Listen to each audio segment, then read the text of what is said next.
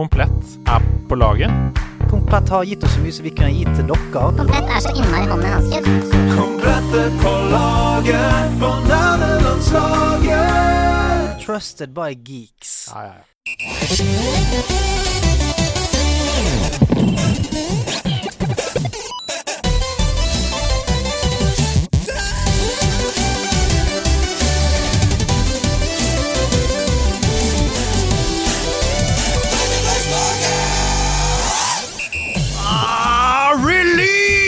Release! Krakken bortatt glasset, så setter vi oss og gjør oss klare for nerdelandslaget. Mitt navn er Sebastian Brynstad, og jeg er en lystig gamer som gleder meg til å snakke om nettopp det. TV-spill, nerdeting og den slags. Og rett overfor meg så sitter det to, altså to virtuoser innen eh, temaet. Eh, Og den første jeg ønsker å si velkommen til, er hele Norges Ida Dorthea Horpestad. Tusen hjertelig takk. Tusen takk for at jeg fikk komme hit i dag eh, og glede dere alle med mitt budskap og min stemme. Men det gjør seg ikke bare med to, for når to kan bli tre, så hva er vel bedre enn det? Skal vi si det i kor? Hva er han heter? Han heter ikke Thor, han heter Andreas Hedemann! Oi, og der var vi i gang. Og Det det var fengende catchphrase. Shit, vi hadde så god flyt der i dag. Humøret var godt, og så sier Andreas Hmm. Hva, altså, hva er dette? Fortell. Dette er Gerald of Rivia. Han sier Ja. veldig ofte eh, hmm, hmm, I The Witcher 3, blant annet. Det er Opp ned kors som har sendt inn denne catchphrasen for halvannet år siden. eller sånn. Direkte fra, direkt fra Halden. direkt fra Halden. Eh, Catchphrasen Men det er eh, tider hvor det trengs å være litt sånn til ettertanke. Ta et steg tilbake. Hmm. Tenke over ting istedenfor å buse ut med ting. Så uh, Beklager at jeg buste i starten. da, Men jeg er Altså. helt enig i at flyten var særdeles god. Takk. takk. Hva var det dere sa? Uh, han, det er ikke Tore, sa du? Det var et eller annet Nei, men det rimte. Vi sier i kor. Ja. Han heter Han heter ikke Tore. Ja, Det var, det var et veldig billig rim. Ja, men det rimet kan også du der hjemme bruke. Ja, det er helt gratis. Ja. Eh, Vet du hva jeg har lyst til å si til det? dere er så flotte å se på. Åssen har dere det, Takk i Ida? like måte. Du, jeg har det veldig bra. Uh, life is good. Mm. Uh, det er hektisk, men uh, kjempebra. Jeg føler at jeg kommer inn hit og du spør meg hvordan er det i dag, så er det det er hektisk. Det er alltid Ja. hektisk. Men det er alltid hektisk, og Ja, vi, det er, er vi, vi er hektiske mennesker som lever i et hektisk liv. Eh, I'm a hekt, hekt girl in a hekt, hekt world. Not a hekt, Som hekt, ble sagt. Men, bare- En liten follow-up fra forrige gang jeg var med. Ja. Bare informere alle om at Purre, katten min, har det kjempebra. Ja. Ja, ja, det- Purre er frisk! Det Purre er frisk! Purre er frisk! Yes. Jeg skulle Hva si noe. le- le- led Purre av? Jeg beit meg ikke merke i det. Han hadde en eh, liten betennelse i eh, pungpungen. Oi, sjølve Rognpåsen. Stakkars Purre. Det er godt å høre at Reddiken er friske, og at Purre er klar. Yes. Hva med deg, Sebastian? Er, jeg vet at du også er et hekt, hekt girl. og Det er, ikke hekt, det er hekt helt world. riktig. Jeg har 200 puls i dag, Andreas Hedemann. Eh, Det er et liv som er gøy og hektisk. Og for en glad liten angster så er det ingenting som er bedre enn å komme da akkurat et minutt før sendetid, hesblesende inn og vite at dette er, eh, dette, dette er et øyeblikk for å puste. ja, men du har- kommer til et, et trygt sted, der vi møter deg med Ja. Ja, med, hmm. Nei, men eh, ellers veldig bra, altså. Jeg, eh, jeg har det fint, og jeg gleder meg. Hva, Hva med deg, Andreas? Jeg har det kjempefint, jeg. Det her eh, Spillvinteren er jo for alvor i gang. Det er jo alltid sånn at uh, over jula så er det liksom sånn en liten dvale der, før de kanonene begynner å liksom skyte ut uh, spilleglede over oss. Uh, og nå er det for alvor i gang. Hogwarts Legacy uh, ramla inn i vår kodeboks i går. Ikke i min kodeboks, Nei. dette. Og vi, vi ba jo om koder til alle på forskjellige plattformer. Alle meldte inn hvilke plattformer ha. Vi fikk to. Ja. så sånn er det om dagen. Og det var på Google Stadia, ikke sant? Du er på, kun på Google Stadia. Og en på sånn Apple TV. Altså at du følger med. Du må spille Ja, ja. med, med kontrollen. på TV Ja, den er så god, da. Ja. Det er ergonomisk. Nei, men eh, vi er i gang. Ida, det er du som anmelder det. Vi skal snakke litt mer om det seinere. Men aller først så må vi ta opp en ting. For det er en fyr som skrev en melding til oss på Instagram. Og han heter Arne. Og Arne, han skrev dette her. Takk for at dere tok opp Vaskeburt. Vaskebur. Ja! Som jeg, Frans og Per Gunnar laga Altså, for er- 20 år siden! Altså, altså 90-tallets Edvard Grieg Ja, Han er på laget! Og han skriver videre Vi lagde den til en underholdningskveld på folkehøgskolen vi gikk på. Det var bare meninga å vise den på folkehøgskolen, men jeg hadde nettopp hørt om YouTube, så da slang jeg den ut på YouTube i Tenk tillegg. at det var på en måte konteksten for en, en, en slager av et slikt kaliber. Og vi, vi må videre. Historien er at Frans hadde hørt hele denne sangen, og hørte en del norskaktige ord, så han ville ville prøve å se om det var mulig å oversette Ele. Eh, per Gunnar, altså PG Jeg elsker at Per Gunnar heter PG. Det er PG. Hadde PC med Photoshop og videoredigeringssoftware. Altså, PG, din Altså, han var forut for sin tid, Han er i hvert fall på laget! Ja, ja. Tech Wiz. Eh, han hadde i tillegg sansen for humor. Å, Altså, det hadde fordel. Det hadde. Fordel. Ja.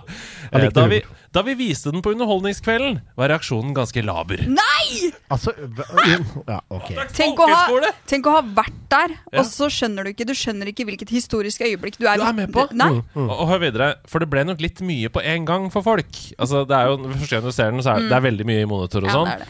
Det var lettere å le av en tonedøv og en rytmeløs som sang og dansa til Madonnas Frozen. Men det er Altså, For en underholdningskveld! Altså, tenk å være flue på veggen der. Jeg må bare si, dette er det klare eksempelet på kort avkastning versus lang, Lang avkastning. en, en som ikke kan synge, som prøver å synge Frozen, det er gøy med en gang, Ja. men det holder ikke i lengden. Nei. Vaskebert Eh, vas, Få Vaskebert inn i, eh, inn i, i pensum, tenker jeg. Ja. Eh, Jeg skriver også I etterkant eh, ble det flere visninger med respons, og resten er historie på YouTube. Jeg kan også nevne at jeg begynte å synge på denne da vi delte bålplass med en nederlandsk speidergruppe på leir sommeren 2006. På underholdningskveld, eller? Og da ble det plutselig allsang med meg og noen nederlendere. Ah, okay, Og de norske de syns det bare var rart. Ja, altså Men hadde de ikke fått med seg Altså, jeg skulle vært der. Jeg skulle sunget med. Men han har flyttet til Nederland nå. Er det en av Nederlands største artister? Eller Nei hva da, har? Nei. eh, Arne lever livet, han, i det gamle hjemland. Men det store spørsmålet er jo hvordan går det med Jo Bent? Å, han er en Cambex underklær, da. Mm. Uh, Lipgloss-konsentrat. Altså, dette er en banger. Men altså, tenk deg det. Tenk deg det. Vi har, altså, som sagt, Grieg. Selveste 90-talls-Grieg på laget. På Ja. 90-tallet, dette, var det ikke det? Ja, Ja, 2000-tallet. eh, nei, veldig tidlig 2000-tall. Eh, 15 til 20 år siden. Så det er sånn 2005-6-7-ish. Altså i, i YouTube sine tidlige dager. Ja. Så veldig, veldig gøy. Tusen takk for historien. Jeg er stolt over at vi har vaskebør på laget. Ja, det er jeg også veldig stolt av. Æresmedlem. Æresmedlem. Før vi kan kjøre i gang her, så er det én ting som er sikkert og tvist, twist, snickers og twist, og det er at tiden går som bare rakkeren, og at Komplett fortsatt er på laget. Er på laget. Det er veldig, veldig gøy. Og som alltid så er det superbra for dere, og gøy for oss, å kunne plukke ut tre produkter da, som både er liksom kvalitetsstempla av oss og av andre, altså folk lyd og bilde, folk som anmelder produkter, og som ikke fins billigere noe annet sted. Så det som er poenget med denne spalten her, altså månedens gamingdeal, det er at hvis du har lett etter produkter i de kategoriene som vi snakker om nå, så er det et godt tidspunkt for å slå til. Hvis du har lyst på en mikrofon, du har lyst på en skjerm, lyst på en bærbar PC, så er det nå du burde gjøre det. Og først ut er en mikrofon som vi alle i Nerdelandslaget-redaksjonen har. -hmm. Nemlig en HyperX Quadcast sRGB-mikrofon. Ja, Det er, stemmer det er en mikrofon, det. Vi Det fikk, er det. Den, vi fikk den på høsten i fjor, alle sammen. Ja, var det slikt? hver, ja. Jeg har brukt den en del sjøl, for det her er en uh, mikrofon som konkurrerer i proffsegmentet. Det er rett og slett en sjokkerende bra uh, mikrofon til å være et produkt for hjemmemarkedet. Mm. Veldig bra for streaming, for du kan justere ting veldig lett på mikrofonen. ja, stemmer det. Det er sånn Du kan bare tappe på toppen hvis du skal mute. Og Ja, sånn. ja. Og så, så den, den kommer jo med liksom alle de tingene som du trenger i proff lydproduksjon. Den har støtdempende krybbe og innebygget popfilter og den Ja. Nei, helt rå. Nå er den i hvert fall satt ned fra 1419 kroner til 999, altså Wow. under tassingen. Under Det er billig, altså. Så kjøper du den her, så trenger du ikke kjøpe noe annen mikrofon før den eventuelt blir helt ødelagt. Det skal være snickers og twist. Eh, Jeg har neste på lista. Det er en 25-tommers gamingskjerm som kommer til å smelle deg i bakken som en stormvind, som Carola ville sagt. Her snakker vi Asus ROG Swift PG259QNR. Oh, det er mange bokstaver å tall. Den er en catchy navn, ja. Det høres ut som dattera til Elon Musk. Men dette er først og fremst en skjerm for raske skytespill. da Altså Ja. Det er en veldig sånn CSGO Warzone-skjerm. Ja. Altså det, det, er for de som spiller på høyt nivå. Altså det, Poenget er at den har, har nesten ikke noe målbar input-lag input lag i det hele tatt. Så hvis du har denne skjermen, så er det bare dine egne evner du kan klage på. Ja, eh, den, har, den har 360 hertz. Oi, så- shit! Det er helt sjukt. Ja, ja, men altså, er du klar over hvor stor forskjell det er på 60 uh, FPS og 360 FPS? Ja, det, vet du hva? Det, det som er greia med det, er at uh, mange som sier sånn uh, Man trenger ikke mer enn 60 frames. Hvis du har sett to skjermer ved siden av hverandre, hvor den ene opererer i 60 og den andre opererer i f.eks. 200, da, du merker veldig forskjell, altså. Eh, og i hvert fall når det er sånne high-paced, høyt tempospill som dette. Mm. Altså, den her er altså 25 tommer, da. Altså, når den kom, så kosta den 10 000 kroner. Åh, ja, det er mye for en 25-tommer. Og den har aldri vært billigere enn syv. Men Nei. nå selger kompletten for 4990. altså Det betyr da at du kan kjøpe deg to stykker og lage deg tidenes deiligste duoscreen. det, altså, det er en helt rå skjerm. Den fikk 9,5 av 10 hos tech.no. Uh, altså Det eneste de trekker for, er at det bare er 1080, da. Uh, Ja, ja, ja. 1080p, men, Ja. men altså, det har ingenting å si. Nei, når du sitter så tett Nei, nei, nei. så har det ikke noe å si. Nei. Altså dette her, uh, dette her eh, er en proff eh, skjerm, og du vil mye heller ha 360 bilder i sekundet. Jeg sitter med den tech.no-testen som du refererer til her. Der skrev de i, i overskriften så står det at dette er den desidert beste spillskjermen vi har testa. Den gruser alt med 360 bilder i sekundet. Så det er jo Det er altså en no-brainer til uh, under 5000. Ja. Uh, helt til slutt så tar vi med en deilig, deilig bærbar gaming-PC som har alt du selv ønsker deg i bærbar gaming. Uh, det er en MSI GF66 Katana. Og jeg har jo Jeg har jo selv en bærbar gaming-PC fra MSI. Jeg er helt utrolig fornøyd med den. Jeg har også det. Jeg har Ghosten. Den har hatt i mange år. Kjempefornøyd. Jeg har også hatt min i mange år. Veldig happy. Uh, og det beste med de bærbare MSI-PC-ene, det er den Cooler Boost 5-kjølingen. Ja. Det er ingen andre bærbare PC-er, mener jeg, da, som kan konkurrere med akkurat den kjølefunksjonen, i, i min mening. Når du slenger med at den her, altså GF66 Katana, har 3070-kort, den har I7-prosessor, den har en helt tullete innebygd 240 hertz-skjerm. Innebygd i, i den bærbare, så er det veldig vanskelig å ikke bli gira av det. Altså. Den er satt ned 2500 kroner, koster 15 490 og har aldri vært billigere enn det siden den kom. nærmeste nærmeste konkurrent som selger den, er Multicom, og der koster den 8 18 700. Så det er tre utrolig bra produkter denne måneden her. Ja, ja. altså Hvis du tar den ekstern skjerm, litt av mikk der, og så den der, så snakker vi streamingrigg her, da. Et lite kamera der på den. Sikkert et kamera på den eh, du har der også. Her snakker vi nye Ninja. Det kan bli deg for en rimelig penge, takket være komplett Der der på laget. Jeg må bare si det er veldig bra jobba. De har valgt ut gode produkter av måten her på, på Månedens Gaming Så uh, da er vi vel klare for å kjøre i gang og begynne å snakke om hva vi har spilt siden sist. Da tenker jeg kanskje Ida, vil du begynne, eller? Ja. Uh, først så må jeg gi en shout-out til Josle, som Ja! sendte meg en eh, DM. Han sendte jo meg forrige uke! Gjorde han det? Jeg spilte jo alle spillene som Josle anbefalte meg fra forrige, første, forrige uke. okay. Altså, hvor blir du av Josle? Har ikke fått så mye som et tips! ass, han er MVP. Ja. Ja. Eh, og det spillet som bare virkelig Jeg har lagt inn mange, mange mange timer nå. Mm. Plate Up. Plate up, ja. Plate Up. Dette er noe nytt overcooked-opplegg. Det er eh, Altså, jeg blir så overrasket over mange som prøver å finne opp det kruttet på det. Nei, men dette er Dette er på en måte ikke overcooked heller. Oh, nei. for det er en ny vri her. Jeg vil okay. si Lumberhill er nesten nærmere overcooked. Okay. Fordi i Plate Up så er det uh, du og f.eks. en venn, uh, venninne. Uh, du går inn i loading screen eller huben, og så bestemmer du hva slags rett du skal ha som hovedrett. Som du, ja, fordi du skal starte en restaurant. Du bestemmer hvilken hovedrett du skal ha. Du bestemmer hva slags Hvordan gjør du det? Det liksom, du, får en, du kan velge mellom en del ting, liksom? Ja, I starten så er det jo få ting å velge mellom, og så blir det flere og flere. Um, og så uh, på en måte, ok, og så bestemmer du også layouten på restauranten. Ok, Ta med det dit. uh, går inn i, i, og så starter du spillet, og da starter du restauranten din dag én. Og da er det på en måte 15 dagers run som uh, du skal om å gjøre å um, på en måte overleve og bygge opp og ta smarte valg på veien. Ja, det er en slags RPG du, uh, element til det. da Så du Ja. begynner på scratch hver gang med den nye restaurantløsninga di. Mhm. Begynner på dagen, det er forholdsvis enkelt. Ok, Så tjener du litt penger. Du kan investere i å kjøpe Kanskje du vil ha oppvaskmaskin. Kanskje du må researche en, eh, en eh, sink for å at det er en oppvaskmaskin dagen etterpå som du da kan kjøpe. Nå, vet du hva, nå vrir jeg meg i stolen. Dette veit dere. dere altså, nå sitter altså Hedo og sikler, for dette her er jo dagligdags chores. Dette er ting du får betalt for å gjøre i det virkelige liv. Ja. Som dere elsker å gjøre. For meg høres gørr kjedelig ut! Får du betalt for å ta oppvasken hjemme?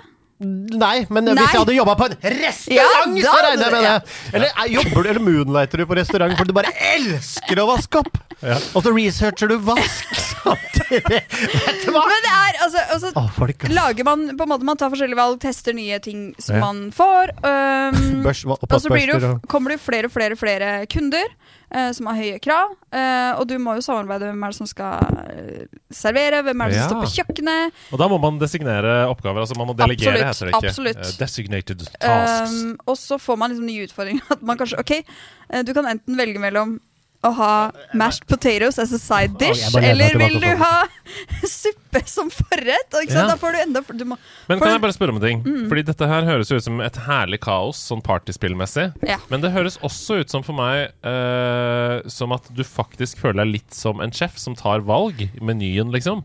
Um, Fordi du sier 'skal det være suppe'? Skal det være, 'Hvordan vil Ja. jeg drive min restaurant'?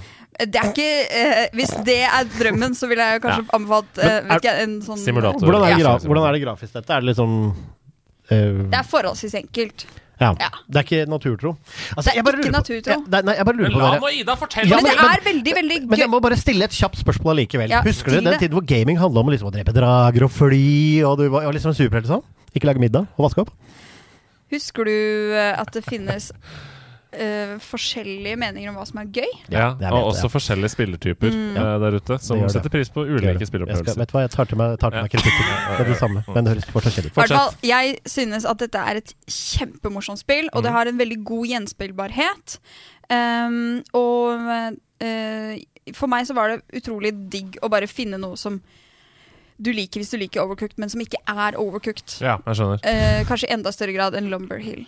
Men eh, kan jeg spørre, er det flere enn to spillere? Man, Jeg tror man kan være fire. Ja, så bra. Og det, er det Switch eller Xbox eller hvor Jeg har spilt det på PC. Ja. Jeg tror, du, jeg tror Det er nok ikke Jeg tror du får det på Switch og, og PlayStation og litt av hvert. Deilig, da. Dette er et indiespill. Det kom i fjor, i 2022. Oh, ja. Ja. Så Det hadde kanskje vært på din toppliste, da, hvis det hadde vært eh, Ja, det kan kanskje hende. Ja. Altså, hvis det hadde vært mulig å bære ut søpla, så hadde det Ja, definitivt det jo en oppgave! Det er en oppgave du må gjøre. ja. Ok, Men Goddamn right. Der er han tilbake. DJ uh, God Slippy damn Finger. right. Ok, Men videre så er det uh, Jeg har begynt uh, spilt bitte litt Undertale. Ja, Vi må bare gjenta plate up, altså. Ja, Plate Up. Plate up. Sjekk det ut. Men Undertale! Ja, jeg bare Fordi at i, i et slags vakuum mellom Plate Up og uh, mens vi venter på Hogwarts Legacy, mm. så turte jeg ikke å begynne på noe stort. Jeg lette etter en liten opplevelse. Mm. Fant Undertale Ja, ja, ja. som et alternativ. Jeg har ikke spilt så lenge, men jeg har kommet meg litt inn i det, og jeg liker det. Er det ikke utrolig fascinerende hvordan man kan leke med hva et spill Ja. skal være, liksom? ja. Dette er uh, uh, puzzle eh, eh, Jeg liker universet, jeg liker puzzlene. Jeg liker at det er så herlig, uh, enkelt, naivt, morbid, koselig samtidig. Mm. Til de som hm? Her er jeg helt enig. Altså, Ja. Nå snakker vi TV-spill. Ja. Til de som aldri har spilt Undertale før, så er det jo på en måte et slags Pokémon. Altså, Ja, det er jo en sånn Gameboy-estetikk ved det. ja. Og så kommer du inn i battles, ikke sant? Du møter Mm. forskjellige, og der er et ill, ill, ill, ill, og så kommer du inn i battlen. Men det er, fra der og ut så er jo alt uh, snudd på hodet. For du trenger ikke å fighte disse monstrene. Du kan velge å snakke deg ut av situasjoner, du kan gi dem komplimenter. Mm. Sånn at de, og, og gameplay Plutselig så blir det et slags gameplay hvor du styrer et hjerte Mm. gjennom labyrinter og sånn for å komme deg videre. da Så det er lagd av én person. Eh, Vi har lagd et dypdykk om dette spillet i Sidequest sammen Mm. med Aslak Maurstad. Så hvis dere har lyst til å høre mer, så hør på det. Veldig veldig kul uh, liten sak å bare tilbringe noen timer i. Kjempemorsomt. Jeg veldig Jeg ler høyt veldig ofte. Og så Oi! Oi, nå skjer det. er det jo Vi må jo snakke om, så vidt om det i hvert fall, Mhm. at i går så um, Så kom kodene. mm. I går Kødene. med ugle. Med ugle. Kom, altså Jeg måtte holde Purre nede, for han var så gira på å angripe den ugla som kom. Eh, men da kom eh, kodene Ja. med ugle til selvfølgelig Hogwarts Legacy. Åh, Altså, det er spennende. At du også fikk kode, Andreas. Og her sitter Ja. jeg som en lang gomp. Ja. Ja, du gjør det. du gjør det Muggle. Muggle. Muggle, that is you. Muggen er det her. Nei, men du, måtte jo, du hadde jo ikke noe plattform å spille det på, så du måtte ut på kjøretur, du. Jeg eh, Stemmer det. Den gruppechatten der er ganske bra. Ida, har du ikke PS5? Nei. Jeg kjøper meg Jeg stikker og kjøper meg en Xbox. Så det gjorde jeg i går. Gratulerer! Ida har Ja. fått seg current gen. Yes. Ida har fått seg current gen. Ja, oi, det er- og det er ikke noe tøyse-Xbox, det. Det er ordentlig serious Ja da. Så eh, da ble det en Jeg var nedpå Butta, kjøpte Xbox, Mhm. Ja, eh. Fjordland, chili con carne og en Twix. Så da var det rett hjem og oh, fyre opp, eh, det- fyre opp maskinen. Det høres ut som en moderne Åge Aleksandersen-låt. Xbox, chili con carne fra Fjordland og en Twex. Jeg har ikke noe melodi på den, da, men eh, det kan bli noe. Det kan bli noe. Jeg hører også at det er en helaften. Det er en helaften, og det var det jeg tenkte. Og jeg gleda meg som et lite barn. Ja. Det er lenge siden jeg gleda meg så mye til noe eh, som jeg gjorde da. Uh, Det så var Twixen, ikke sant? Det var hvordan det var spillet. Twixen. Oi, det er Snickers og Twix. Hvor langt har du kommet? Hvor mange timer, liksom? Har Nei, jeg eh, brukte litt tid på å laste ned ja. og de greiene der. Spilte starten flere ganger mens jeg venta på at det skulle laste ned. ja, fordi det er en greie. Det merka Ja. jeg også. At Mm. etter at du har på en måte lasta ned spillet og installert og sånn, så er det sånn her downloading high um, Altså textures Mm. i, i høykvalitet. Ja, ja. Eh, HQ i, altså i bedre oppløsning. Og da kommer du til et tidspunkt etter tutorialen hvor det er sånn Nå får du ikke spille mer, vi må Mm. vente på å laste ned resten. Eh, og det tok ganske lang tid. Det tok en del tid. Ja, og, og det er ikke fordi det laster ned, det er fordi det skal installere. Så det har Mm. ikke noe å si med båndbredde på nettet ditt. Du må bare vente på at spillet Ja, ja. installeres. Men jeg har, eh, jeg har Jeg vet ikke hvor du får stoppe meg når jeg holder på å si for mye, men jeg har uh, valgt et hus. Mm. Jeg har lært meg noen spells. mhm, Jeg har um, attended some classes. Mm. Ingenting av dette er spoiler. Alle visste om det i Ja. trailer, og det har vi snakket om på forhånd. Så vidt begynt på litt quests. Eller Ja. side quest Mm. og quests. Kan du si overordna hva du For du skal jo anmelde dette. Mm. Så jeg tenker sånn overordna hva du syns om f.eks. menyen og oppsettet, og er det lett å forstå? Er det lett å Altså noe som ikke spoiler Mm. Eh, spillet? Jeg vil si at uh, mitt førsteinntrykk er at det meste er ganske intuitivt. Lett å forstå, lette kontroller. Eh, og eh, eneste Foreløpig så synes jeg kanskje at layouten på ehm, Hva skal man kalle det? Oversikt, inventory Ja. eh, Der hvor du har liksom the ja, quests og ja. level up og forskjellige ting? De greiene der virker foreløpig litt sånn der Jeg føler at dette kunne dere gjort på en eller annen mer, litt mer strømlinje Ja, smooth måte. Men eh, jeg skal jo gi det mange flere timer og bruke den mye mer Mm. som et eh, verktøy før jeg, før jeg kan lande noe på det. Ja. Jeg har følelsen at det kanskje bare er litt sånn barnesykdom-intro. Eh, at man blir vant til det. For Mm. Ja. dette er jo tross alt et spill du skal spille liksom 30-50-60 timer. Eh, så ja. Men det er en ting som spillet allerede har klart, som jeg nesten Jeg vet ikke om jeg noen gang har følt på det før. Det er følelsen av at eh, altså dette, og, og veldig mange andre har jo kjent, kjenner på dette, men dette pleier ikke å skje meg. Følelsen av at shit, nå tok jeg et valg. Nå er jeg redd for at jeg går glipp av Altså, jeg vet at nå går jeg glipp av noe eh, fordi at jeg tok dette valget. Det er dere som hører den lyden. Det er spøkelse. Det er altså Hedvig som går igjen her i gangene. Nei, det er, det er handikap-heisen utafor. Så det er uh, for at House of Nerds er et tilgjengelig sted der folk kan komme hvis de har en uh, funksjonsnedsettelser. Så er det Hver gang dere hører den lyden, så må dere tenke så bra at House of Nerds er et funksjonsvennlig sted. Ja, fortsett. Um, ja, nei, for jeg valgte jo huset mitt, og da kommer inn i common room, og, som jo er um, Altså første gangen jeg får oppleve å være her. Og så sitter jeg bare også samtidig med tanken om at Wow, Uh, hvilken opplevelse hadde jeg hatt hvis jeg hadde valgt et annet hus? Eh, og egentlig en uh, jeg, liksom, jeg kjenner at jeg oppriktig er liksom redd for å gå glipp av noe, samtidig som jeg har den sinnssyke gleden av å endelig få tilgang til et univers som jeg har bare kunnet observere styrt av andre, på en måte. Jeg har ett spørsmål som jeg lurer på hele veien her. Føles det magisk? Føles Ja. det ut som Harry Potter, den der gode, varme følelsen man husker fra filmene? Det som er så magisk, er at det, eh, universet er magisk, men det føles ikke som Harry Potter. Fordi at jeg forventer ikke at jeg nå gang, enda en gang skal på en måte bli dratt inn i Harry Potter-historien. Og det Dette er det er en helt ny historie, og det er det som også gir meg så utrolig mye glede, da. Det er derfor det er så fint at det heter Hogwarts Legacy, for det har ikke noe med Harry Potter å gjøre. Nei. Dette er 1800-tallet. Det er lenge før Harry Potter i det hele tatt var påtenkt. Så vi må huske det, folkens. Dette er universet knytta til Dette er akkurat som at man skulle lagd et spill av Silmarillion, på en måte. Det har ikke noe med Ringenes herre å gjøre. Ehm, det er det samme. Ja. Ja. Litt som om Forest Gump bare skulle hett Historiske hendelser. For eksempel. Da er det veldig, veldig god. Ja, ja, veldig, veldig god. Nei, så det, er, eh, det, det liker jeg veldig godt. Det er jo, vi må på en måte tenke på det som at her får vi tilgang til en, en ny bok i universet, en ny bokserie i universet, og det kommer ikke i bokform, det kommer i spillform. Ja, det er deilig. Hvilket hus valgte du? Ravenclaw. Oh, you are the claw of the Hva valgte du? Uh, jeg, jeg har faktisk foreløpig bare sett på min kone spille. Oh, ja, hva valgte Så hun?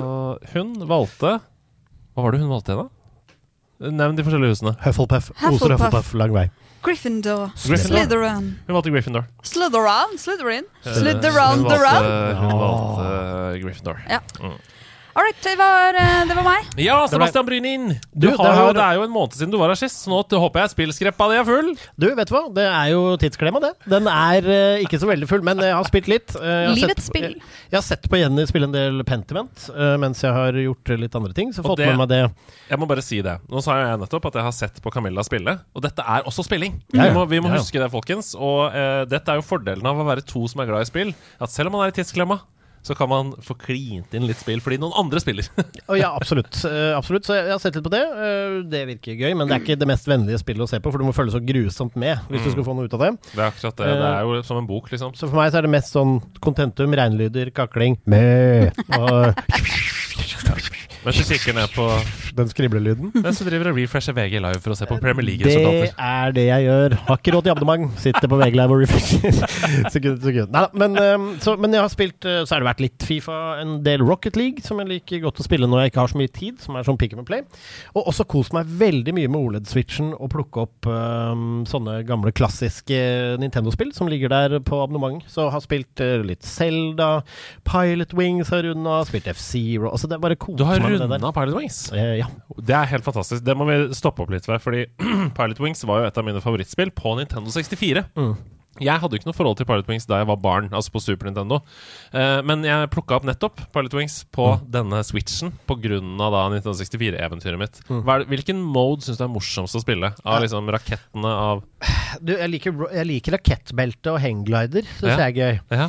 Um, Fortell litt hva spillet går ut på. For Ja, altså dette er jo, Du skal få dine pilot wings, som betyr at du skal bli liksom en luftens mester. Uh, og da er det jo selvfølgelig sånn som i virkeligheten, at da må du kunne ha på fallskjerm, du må kunne kjøre rakettbelte, du må kunne fly lite fly. og bitte lite helikopter. Og bitte lite helikopter også. Må du, det må du ha en residency som sånn eh, flyvert også? Det må du. Del ut Det er, det er noe, Ja, det er men- noe overcooked inni her. Du må men- dele ja. ut noe kaffe, og det er Ja. riktig. Ja, det er, men det er en DLC, den uh, flyvertgreia. Uh, og det er veldig vanskelig på Ness Så så måtte du kjenne noen som kjente noen, og så måtte du reise og hente en sånn disk. Og så måtte ja. Jeg tror det var Bråten Safe som lagde den. Å. Bråten Safe!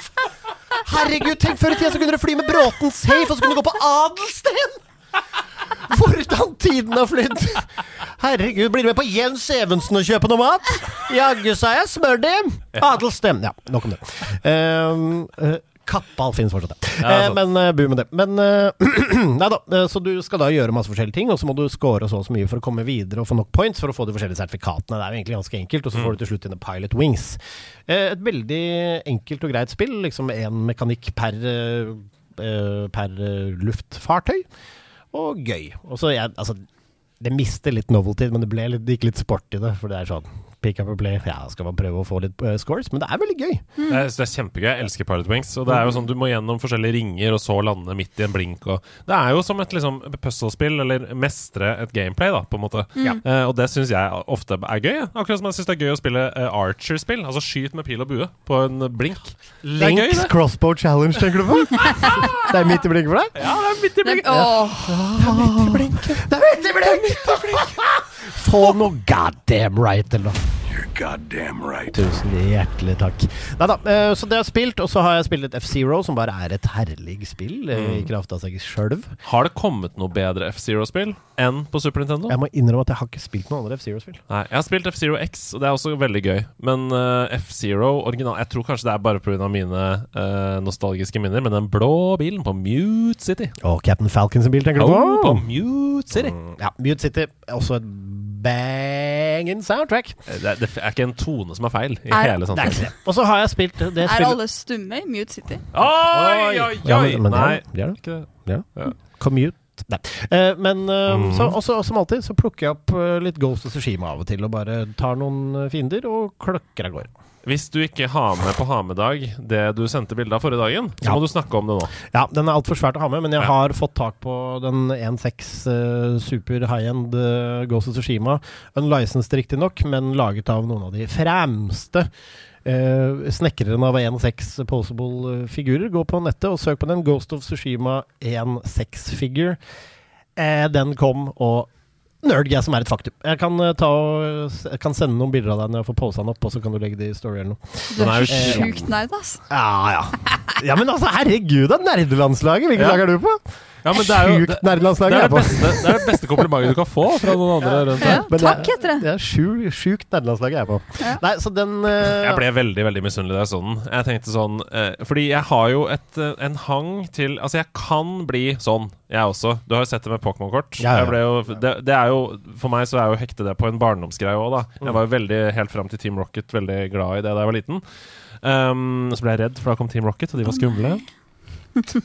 Altså, du er altså en Det brav veldig knekt, ass. det er. Vet Nei, du hva? jeg tulla, jeg tulla. Men uh, det var bare for gøy. Den hang der. Det var den smashen du snakka om. Ja, ja. Du smasher deg selv. Jeg smasha meg det. Uh, nei, men uh, jo, og det, da jeg tok opp det igjen i voksen alder, så var det veldig sånn collect-greie som satte seg. Ikke sant? Så jeg, når jeg ser deg, og den gleden du har når du gjør disse tingene, det smitter veldig, da. Ja. Jeg er så glad, og så ser jeg på ting, og så åpner jeg boksen og ser sånn Og så tar jeg den litt ut, så ser jeg på den sånn Og så viser du til Jenny, så sier hun.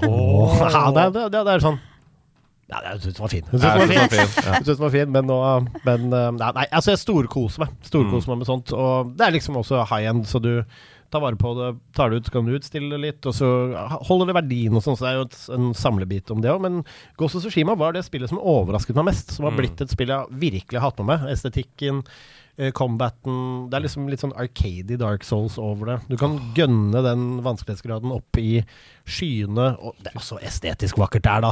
Altså Ghost of Tsushima, jeg måtte ha den, og den kun for min egen del. Så nå står jeg, kan jeg se på Jin Sakai, og så kan jeg si God morgen, Jin. Hvordan går det med deg? Så kan jeg pose han sånn at han vinker og sånn. Ja. Vi skal, vi skal snakke om et spill i nyhetsspalten som kommer eh, i neste uke, som kommer til å være ja. Jeg gleder meg til du skal spille det, Sebastian. ja, Og nå er det vel din tur, strengt tatt, Andreas. Ja, jeg har faktisk ikke spilt så mye denne uka, men jeg har likevel fylt uka med spillinnhold. Hvis dere skjønner. For det første jeg har lyst til å snakke om, det er DualSense Edge. Pro-kontrollen til PlayStation 5. Jeg har spilt med den i en uke! Er det den som kosta Altså. en halv PlayStation 5? Ja, ok. 2250 Har du kroner. fått Du har fått den, ja. Det er nettopp, ja. Ja, PlayStation Norge sendte den hjem til meg. Altså Eh, PlayStation Norge, kjenn deres besøkelsestid. Jeg er den største kritikeren av deres kontroller i hele Norge. Så hvis dere har noe håp for den kontrollen, Ja. snakk med meg. Tusen, tusen takk til PlayStation Norge som sendte den hjem til meg. Den er um, Det er jo for alle de som har spilt med liksom Scuff-kontrollere og f.eks. Xbox Elite-kontrollere og sånn. PlayStation, altså DualSense Edge er en veldig bra kontroll, og det er en oppgradering fra den vanlige DualSensen, men den er ikke like bra som f.eks. Xbox Elite-kontroller. Det er veldig viktig å si. Eh, den, er, den er bra. Den er kjempebra. Det er veldig fint at på baksiden så kan du eh, sette på fire ulike knapper. Eh, altså Du kan montere enten en sånn lang knapp eller en litt kortere knapp. Fra hvordan du har lyst til å bruke triggeret da, på baksiden. Veldig mye sånne tilpasningsmuligheter. Jeg liker veldig godt at du kan eh, justere eh, vandring på R2 og L2 med en liten knapp. Sånn at hvis du vil at den skal stoppe tidligere, f.eks. i kompetitive FPS-spill hvor du ikke skal holde inne, rrr, du, skal, du skal burste, klikk, klikk, klikk, klikk, ja, så kan du bare ha kort vandring på, på triggeren, sånn at det blir sånn tett, tett, tett, tett, du bare tapper, ikke sant?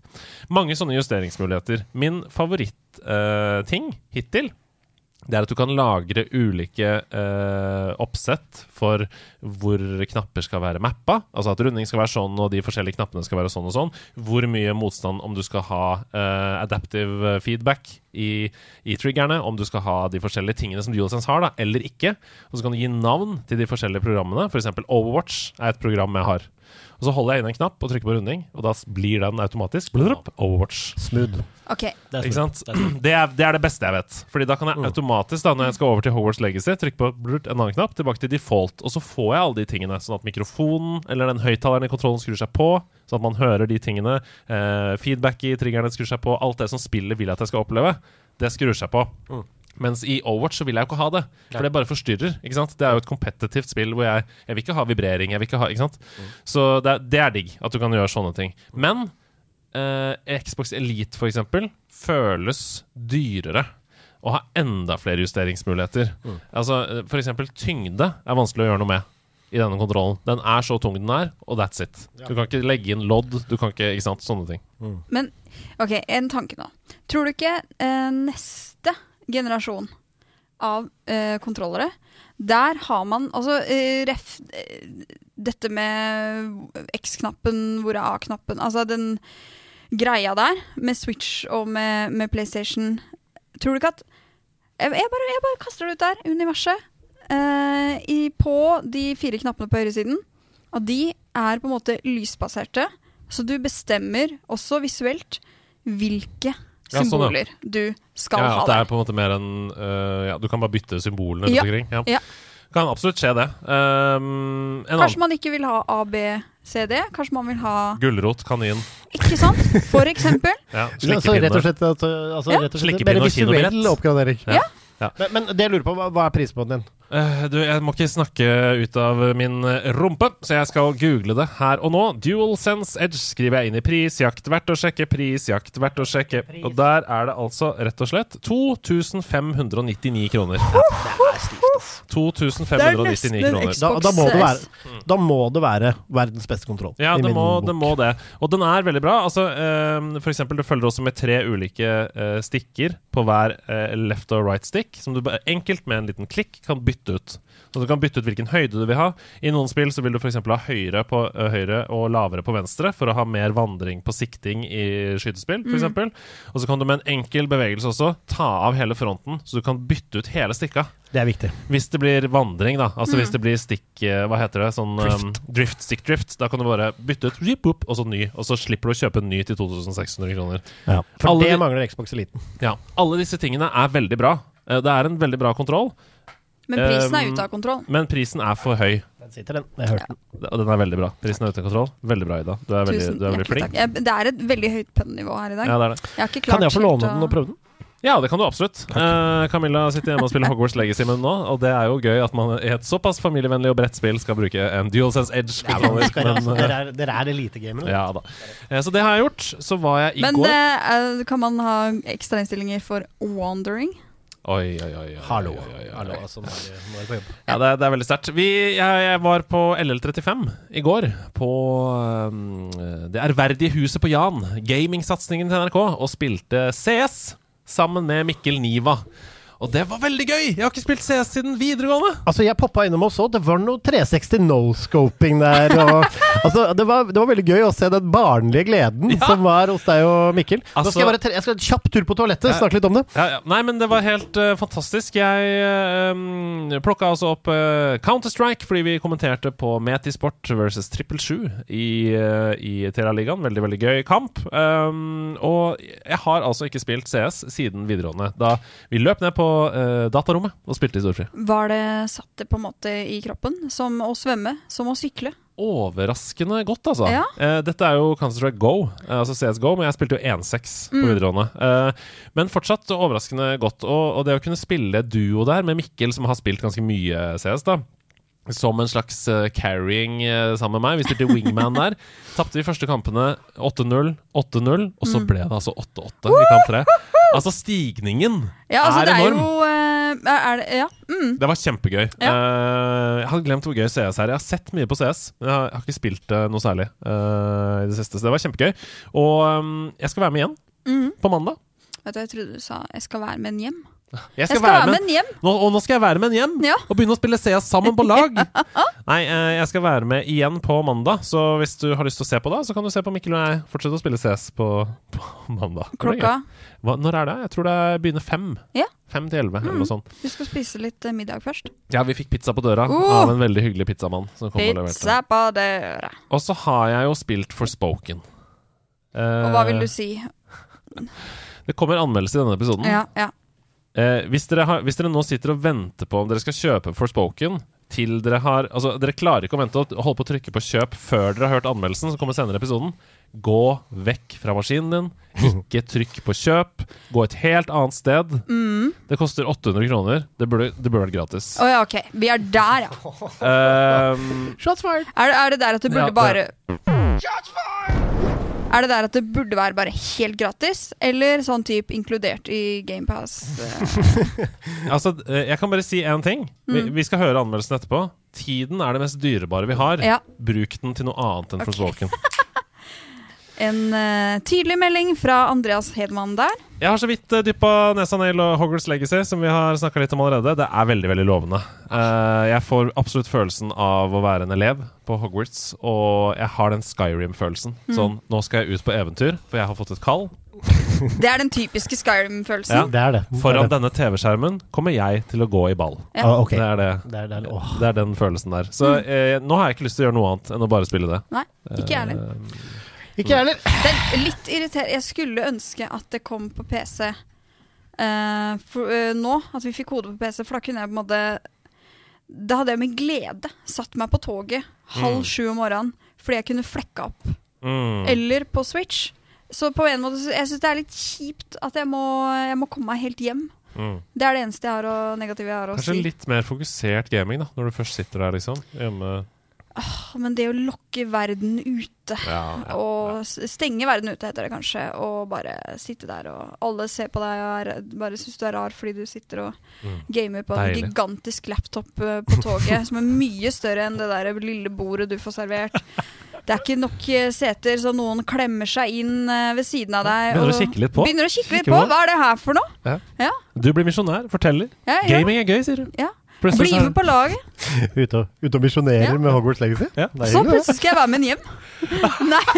Nei da. Dette var en vits som kom mens du var på do, Ja. så du er ikke med på oh, bare vent litt. Ingen kommer til å merke at jeg er på do nå, vet du. Der sitter det vitsen her. Den, Stemmeskuespill, folkens. den referansen har jeg. Og så må jeg bare si en ting. Jeg skal ikke si noe mer om denne saken, tror jeg. Men uh, for nederlandslaget så er transpersoners rettigheter veldig veldig viktig. Eh, Vi har hatt uh, gjester i nederlandslaget, eller i hvert fall gjest, som er transperson. Og vi fordømmer selvfølgelig JK Rowling sine hatefulle korstog mot transpersoner på Twitter. Men eh, Ikke menn, ikke menn. Og kolon. Eh, det står for seg selv, det jeg nettopp sa nå. Og kolon.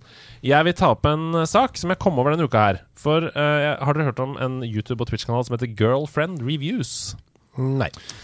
Det er en veldig veldig super wholesome, eh, fin Twitch-kanal, YouTube-kanal, der hvor eh, kjæresten til en hardcore gamer anmelder spill ut fra hvordan det er å se på. Ja, det er veldig gøy. Konge, veldig konge! Og det er veldig veldig koselig. Så De streamer sammen. Han spiller, hun ser på. Og så streamer de og han sånn. Og de streama Hogwarts Legacy i går. Og ble liksom brutalt harassa i chatten av chatten der. De ble i så stor grad da i chatten kalt for trangsynte, hatefulle fordi de spilte Hogwarts Legacy pga. JK Rowling, at hun begynte å gråte, og at de måtte slutte å streame. Uh, og jeg må bare si at å holde på på den måten, det ødelegger veldig mye mer for transcommunityet enn det gjør godt. Bare sånn at det er etablert. Og det ødelegger mye mer enn det JK Rowling klarer alene. Altså når man blir et korstog eh, andre veien som ødelegger for de som prøver å ha en god opplevelse og spre kjærlighet ut i, med, med gameplay ut i verden, så er det veldig vanskelig å få sympati for saken. Bare sånn at det er sagt. Vi må ikke polarisere det så langt, dere. Og Også- vi har jo Unnskyld? Ja, nei, nei, jeg skulle bare si det at man må skille kunst og kunstner. Nå er JK Rowling har ikke sittet og programmert dette spillet her, og hun kan dra til helvete med det hun eh, driver med. Man må skille det, for hvis du ikke skal gjøre det, så er det en god del kultur som vi må kvitte oss med. Altså, du, Ja, kan ikke, bare... du kan ikke gå rundt og lese Sulta Hamsun, da, for å si det sånn. Og jeg forstår, jeg må bare si, jeg forstår veldig godt at uh, transpersoner, folk som har eh, transpersoner i nære relasjoner, kan bli lei seg og få vondt og oppleve ubehagelige ting av å spille spillet. Det forstår jeg, har jeg veldig sympati for. Men det hjelper ikke å si til andre Shame på deg som spiller det. Eh, du er en bigot. Du er en forferdelig person som sitter her og streamer dette spillet. Det hjelper ikke. Nei, for vi har jo hatt en intern eh, diskusjon om dette, rundt dette etiske det må, Man kan jo kalle det et etisk dilemma. Uh, på en måte om vi skulle plukke opp dette spillet eller ei. Uh, vi landa på at det skal vi, men det gjør Det betyr ikke at vi på noen som helst måte støtter eh, J.K. Rowlings Altså, utdannelser. Og det Ja, det er, liksom, ville, det, vi det er snakke viktig å bare få sagt det. Vi har snakka om dette allerede, så vi skal ikke snakke noe mer om det. Det var bare akkurat denne situasjonen som eh, Og hvis, altså hvis, man, hvis det trigger og det, også selvfølgelig JK Rowling fordømte hele greia, hvis det trigger deg, så hold deg unna det. Men hvis man skal begynne å gå i næringa hvor kulturuttrykkene du kjøper eller konsumerer, hvor pengene går til slutt, da tror jeg du skal da, da, da tror jeg det er ganske mye du skal holde unna. Ja da, og som sagt, det, eh, den saken her er oppe og vedtatt. Vi har tatt standpunkt, vi har snakka om det allerede. Det bare, eh, da snakka vi om den andre siden. Nå snakker jeg om de som i utgangspunktet i denne saken har vært snille og omtenksomme og snakka eh, transpersoners sak. Nå har det gått så langt at de angriper de som spiller det. Det kan vi ikke ha. Nei. Så eh, alle, begge sider av den saken, ytre, ytterkanter er forferdelige. Prøv å møtes på midten og snakke sammen isteden. Det er egentlig konklusjonen. Skal vi snakke om noe hyggeligere, eller? Ja! Ha med, ha med dag. Hei! Ha med, ha med dag. Ha med ting etter ditt behag. For det er ha med dag. Å herregud da, folkens, her sitter det en fyr som lurer på lurer på. Hva du har i posa di, da? Hva har du med deg nå? Jeg har med noe lite, og jeg har med noe stort. Hvem og hva hvor? Og jeg har tatt med meg noe som jeg har lyst til å gi til dere. En glede av en anbefaling som det er en TV-serie. Men hva er det, mon tro? Er det fotball, eller er det sko?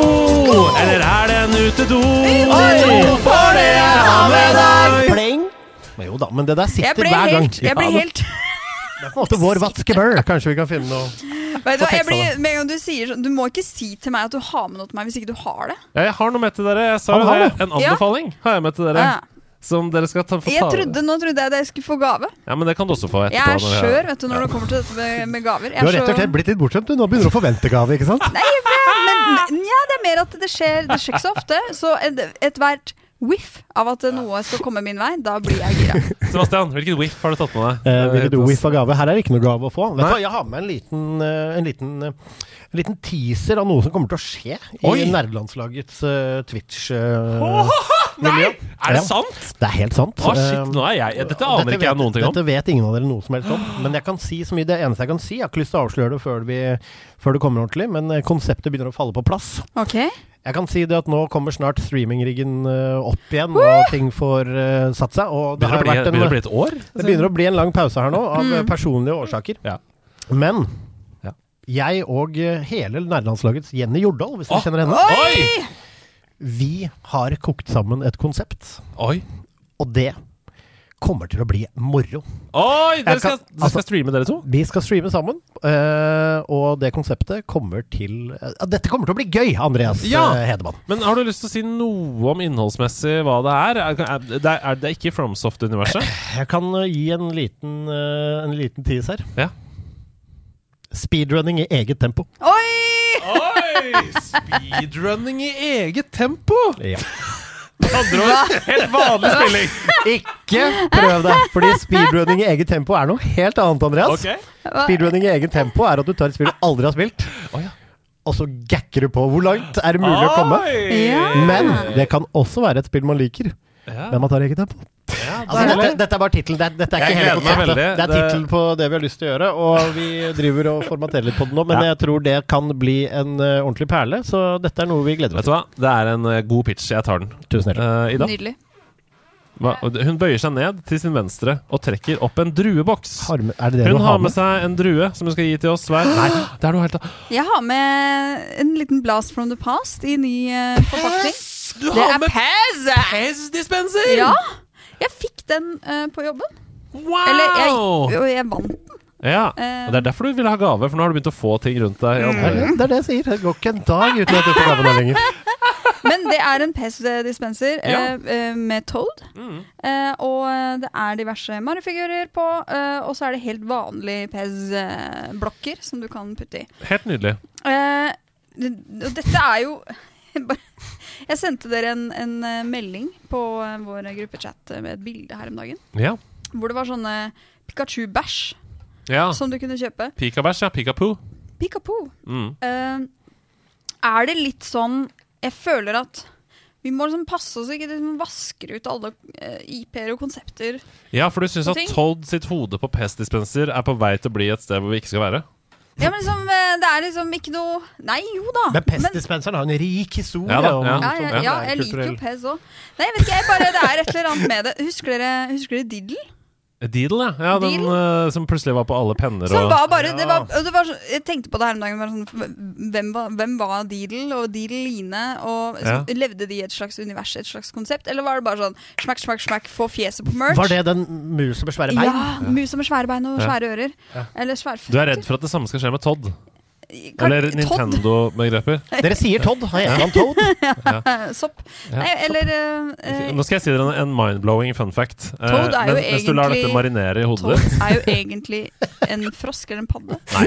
Vi snakket om denne spillkarakteren i uh, sidequesten Fem spillkarakterer jeg helst vil stå fast i heisen med, med Ja. Anders Løland. For han hadde med seg Toad inn i heisen. Det det. Og da fant vi ut at Toad er for det første ikke en gutt. For det andre, ikke en sopp. For det tredje, det er bare en hatt. Det som er på toppen For det hodet fjerde, hans. broren hans, Todd Terje. Oi! Elektronikartist. Ok, greit. ødelegger, ødelegger min fun fact med Sorry. vits. Men Altså, eh, det er- To det som er interessant, er at Toadette finnes jo også. ja, Men hun er heller ikke en jente. Altså, det er det som er fascinerende. De de er er med, kjønnsløse. og, og de er ikke søsken.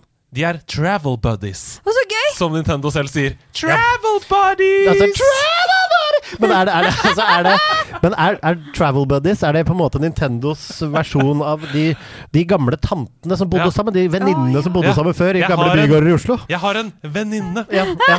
De er Ja. kusiner, de to som har bodd sammen der i 30 år. De Ja. to som bor der. Det Ja. sa de på Kalbakken før i tida. Nei, men Jeg skjønner Er det- bekymringen din. Eh, jeg tror ikke vi skal være redd for at Nintendo vaskes ut, fordi eh, karakterene er såpass sterke Mm. at uansett hvor de dukker opp, så vil de på en måte ta over. Ja, jeg vil bare at fremtidige generasjoner skal skjønne at det er eh, Dette er fra et spill. Mm. Uh, det er fra et univers. Det er ikke bare sånn smakk, smakk, smakk, bare masse merch. Nei, det, og det Litt sånn som jeg. diddle Altså, du fikk altså en pestdispenser i gave, og det ble en eksistensiell sånn konsumerkrise? jeg-. Jeg tenkte på det, og da ble det en konsumerkrise. Ja. Ja, det Det, det jeg har lyst til å si, det er at dette er et resultat av at det er for lenge siden det har kommet et Mario-spill. Hey. For det er det faktisk. Altså, det er Det er for det. lenge siden det har kommet et Tenk på New Super Mario Bros. Nå har vi, vi har fått Super Mario Odyssey, men det er et 3D-spill. Vi har ikke fått et vanlig Mario Hvor- fra A til B-spill på hundrevis av år. Hvor gammel er Mario nå? Eh, Eldgammel. Ja, men Er det er, begynner nærme seg 62, på en måte? Å ja, du tenker når jeg blir 66, da skal jeg bli Luigi? Jeg tenker uh, Må gå av med pensjon nå. som Wenche Myhre sang. Nei, jeg har med en annen ting, jeg. Oi, har du? Eh, og det er et tips om en eh, serie som ligger på Nice. Disney pluss. Disney pluss blir bare bedre og bedre. Eh, og dette er serien Welcome to Wrexham. Å, jeg har sett alt! Oh. det, det er hva, Fortell, hva er det for noe? Welcome to Wrexham er rett og slett uh, to gode Hollywood-venner som bestemmer seg for å kjøpe et fotballag. To travel buddies? Ja, Fortell, uh, Sebastian. Welcome to Wrexham handler om godeste Å, er det Ryan Reynolds? Ja da! Ja! Ryan Reynolds og han Rob, Rob eh, McElhenney. Rob McElhenney fra um, Always Sunny, In Philadelphia. som kjøper et fotballag sammen. Mm. Og det er Wrexham som er uh, det laget i verden som har den nest eldste fortsatt operative stadion. The Race Course. The Race Course. Og dette handler om de skal kjøpe dette laget, og de har først liksom en idé her om å lage en serie av dette, da, og skal ta disse fra eh, fra, National fall, League. fra fallet. De er fra Wales. Ja. Og det blir altså en historie om to herrer som forelsker seg fullstendig i Og jeg har bare sett tre episoder, så ikke spoil mer. Men det er et fantastisk anslag. Og det handler altså om ikke sant? To amerikanere har ikke noe forhold til fotball. Har falt pladask for fotball via connections på jobb og sånn. Og en hel En by som lever og puster fotball. Det er fattigdom, det er forferdelig der. Gammel gruveindustri som er nedlagt. Ingenting å leve for, liksom. Altså, fotballen Ja, det- har det- vært hjertet der. Det var, det var litt å ta i. Det er, litt koselig Wrexham òg. Ja, men pro altså, utfordringen er at uh, laget deres har bare gjort det dårligere og dårligere. og dårligere ikke sant? Nå begynner det liksom å bli sånn eh, Nå har vi vært 13 år utenfor det offisielle ligasystemet. Eh, vi må inn igjen. Mm. Med dette laget som har vært i championship, altså helt der oppe, liksom. Mm. og det er to amerikanere som gradvis med tiden forstår dette. da Forstår hva community For det er jo veldig viktig for amerikanere. Community. Community. Eh, ikke sant? Rundt omkring der. De forstår hva fotballen betyr for en hel by. De reiser til Wales og smaker på gresset og ser sånn Ja, dette kosta tre millioner, det gresset her. Og jeg kan, altså, jeg kan, også si det at dette er en serie som Om du liker fotball eller ikke, Ja. så er dette en serie Er det litt sånn Drive to Survive? Ja. Trenger ikke å være forelska i Formel 1 for å Ja, ja, bare at det er ikke like såpete. Og det, denne, her er, denne her er ganske lettbeint, og det er mye humor, Ryan Reynolds-stil. Men du får et innblikk i noe som Det handler ikke så mye om fotball som det handler, som du sier, om eh, hvorfor man eh, elsker det. Så, og- så, så og det hva- kan du se sammen, uavhengig om du liker fotball eller ikke. Litt Hva som som Bendit like eh, Beckham, på en måte. Og så er det veldig, veldig morsomt. Det er liksom sånn, for eksempel, da, Kontrasten er jo hele tiden kjempestore. Du har en stor uh, fotballstjerne som tjener millioner, ikke sant? og så klipper du til disse spillerne på A-laget til Wrexham, så er det sånn uh, Huset. Du går fra en villa til huset du bor i, og så står det sånn Her bor spiller nummer 13, uh, Doug McChina. Ikke sant? Så bare og spiller nummer 16, det det der. og spiller nummer 19, og, og så er det sånn Å ja, det bor fem spillere i det lille dritthuset som vi nettopp har sett opp mot. Så det er veldig sånne Det er veldig god komisk timing, da, når du selvfølgelig har Ryan Reynolds som executive producer. Og dette er jo en uh, serie som er, um, l- som er veldig lettbeint og ganske gøy å se på. Men hvis du har lyst til å se på en virkelig pent fortalt historie i samme segment, uh, underholdningssegment, som også handler om fotball, men som er utrolig rørende, så vil jeg anbefale Sunderland Till I Die på Netflix. Anmeldelse i nerdelandslaget. Yeah, girls and boys! Vi har en eh, kaptein på nerdelandslaget som heter Stian Blipp. Han har brukt eh, ja, Hvor lang tid har han brukt? 30-40-50 timer i JRPG-spillet OnePiece Odyssey. Uh, det Vi må ikke si det mer! Nei, det skal vi høre hva han syns om. Da jeg skulle ta fatt på One Piece Odyssey, så hadde jeg de beste forutsetninger. Jeg elsker JRPG, altså japanske rollespill. Jeg elsker anime, og jeg elsker OnePiece. Og med 1000 timer i JRPG i sekken, så er jeg fremdeles veldig glad i den gode gamle oppskriften. Du er den utvalgte. Plukk opp alt du ser, oppgrader våpen og karakterer, drep rare skapninger i hundretallet, gjengen din blir større, bånd blir knyttet, tilsynelatende uoverkommelige mørke krefter. Altså, det er sjelden noe grensesprengende i byggesteinen på disse spillene. Men det er ofte nok over the topness og episke reiser til at jeg koser meg hver eneste gang. Spoiler alert. Det gjorde jeg ikke denne gangen. OnePiece Odyssey starter med at gjengen vår krasjer flygeskipet sitt ned på en mystisk øy. Du får en kort cinematic av dette krasjet, og så får du ikke så mye mer til å verken sette stemningen, handlingen eller noe som helst annet. Så nå er vi her, da. På øyen.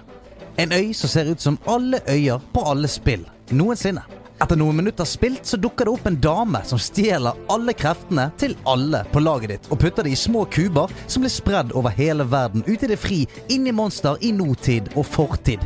Wow! Dette må være hovedslemmingen. Nei da. Dette er bare en jente som har litt dårlig erfaring med pirater, det. Og man skulle tro at selveste piratkongen Monkey D. Luffy og hans mannskap kunne bli steik forbanna på noe sånt. Nei da. Alle har mistet kreftene sine, men det er no hard feelings. Jenten får bare hjelpe de å finne tilbake kreftene, da. Ikke verre enn det. Å ha med seg en jente som kan stjele kreftene til folk, må jo være ganske fett. Nei da. Hun kan tydeligvis ikke gjøre en dritt med noen andre enn deg. Av en eller annen grunn som aldri blir forklart. Og dette er gjennomgående for hele spillet. Jeg sliter med å forstå hvorfor jeg gjør det jeg gjør. Hvorfor verden oppfører seg som man gjør. Hva er det som egentlig er målet? Hvorfor vi må tilbake i tid og spille gjennom gamle OnePiece-historier for å unlocke kreftene våre igjen, og faens oldemor. Spillet lener seg så mye på at alle elsker og hyller karakterene og humoren at det glemmer seg vekk i store deler av spillet. Det glemmer å gi deg de små hooksene underveis som holder deg investert. De små påminnelsene av fare eller drypp av noe eh, mellommenneskelig som gjør deg glad i karakterene og historien.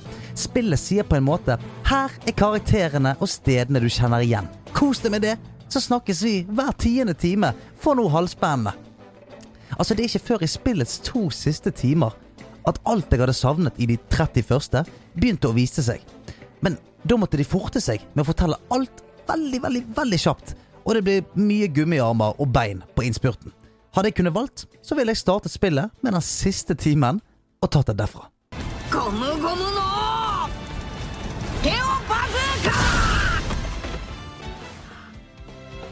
Jeg noterte meg ti timer spilt før jeg kom til noe som føltes som en slags bossfight. Før det hadde det bare vært litt seigere versjoner av andre dyr jeg hadde møtt ute i det frie, og en og annen miniboss.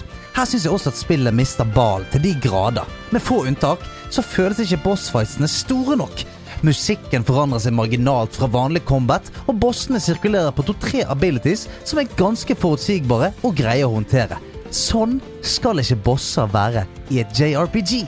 Det er sjangeren som huser de villeste bosskampene i historien. Her utløses ikke en dråpe endorfin etter endt kamp, og mot slutten føles det bare som at kampene tar litt lengre tid. Ikke før i spillets siste kamp føles det som at jeg må anvende noen som helst form for taktikkeri. Kampsystemet er ganske enkelt lagt opp med tre forskjellige angrepstyper som enten er sterke eller svake mot hverandre. Med bare tre typer og en og annen svakhet mot is eller flamme, så virker kampsystemet alltid litt grunt og forutsigbart. Jeg føler aldri jeg må ta noen vanskelige valg i combaten eller tenke mer enn ett trekk fram.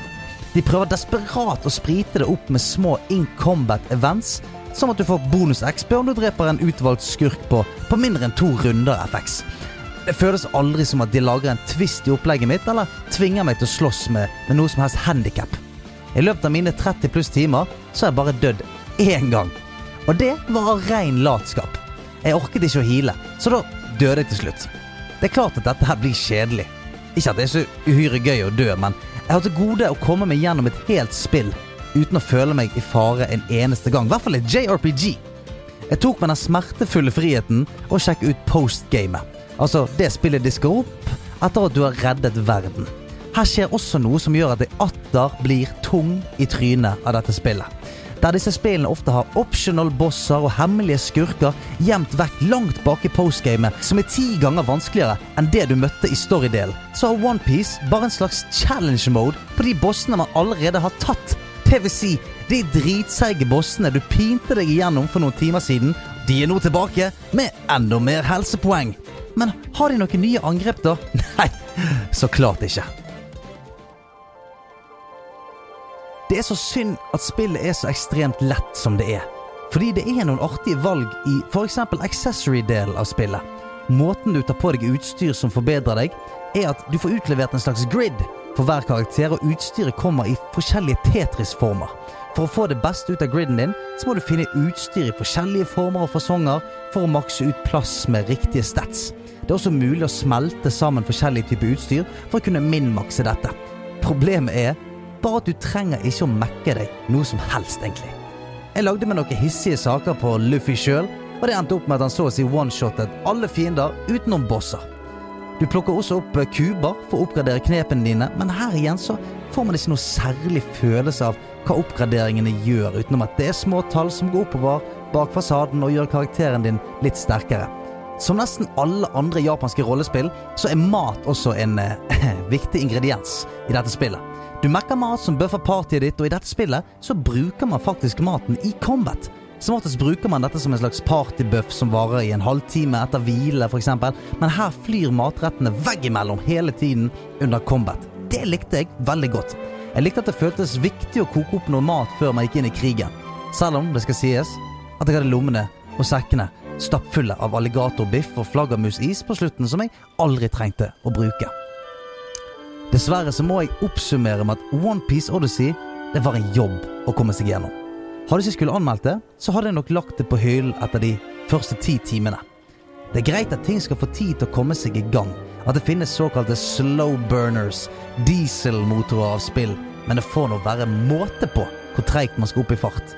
Og det er synd, for det er veldig mye kult her. Mot slutten, når gjengen er ved full power og de siste kampene utspilles, så føler man virkelig at sjangerens storslagenhet kicker inn. Følelsen av vaskeekte anime showdowns kryper seg innpå, og angrepene til karakterene som mange av oss kjenner, ser ekstremt kul ut i skjermen. Mot slutten så kommer det en ketsjup-effekt uten like, men jeg er veldig redd for at de fleste har forlatt restauranten lenge før den ketsjupen treffer fatet. 40 av 100.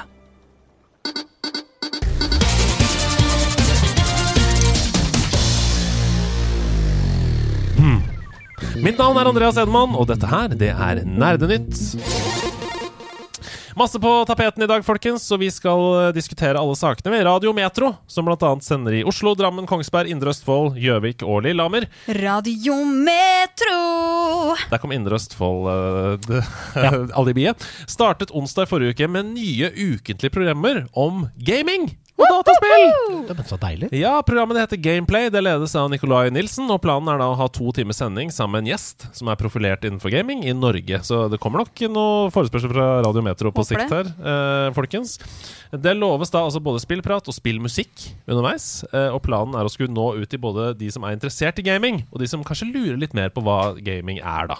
Eh, programsjefen i Radio Metro, som heter Tom Espen Kroken, han sier da til Pressfire at eh, Gaming fortjener mer plass, også på radio. Han syns også det er merkelig at dette ikke er noe som har blitt gjort noe særlig tidligere.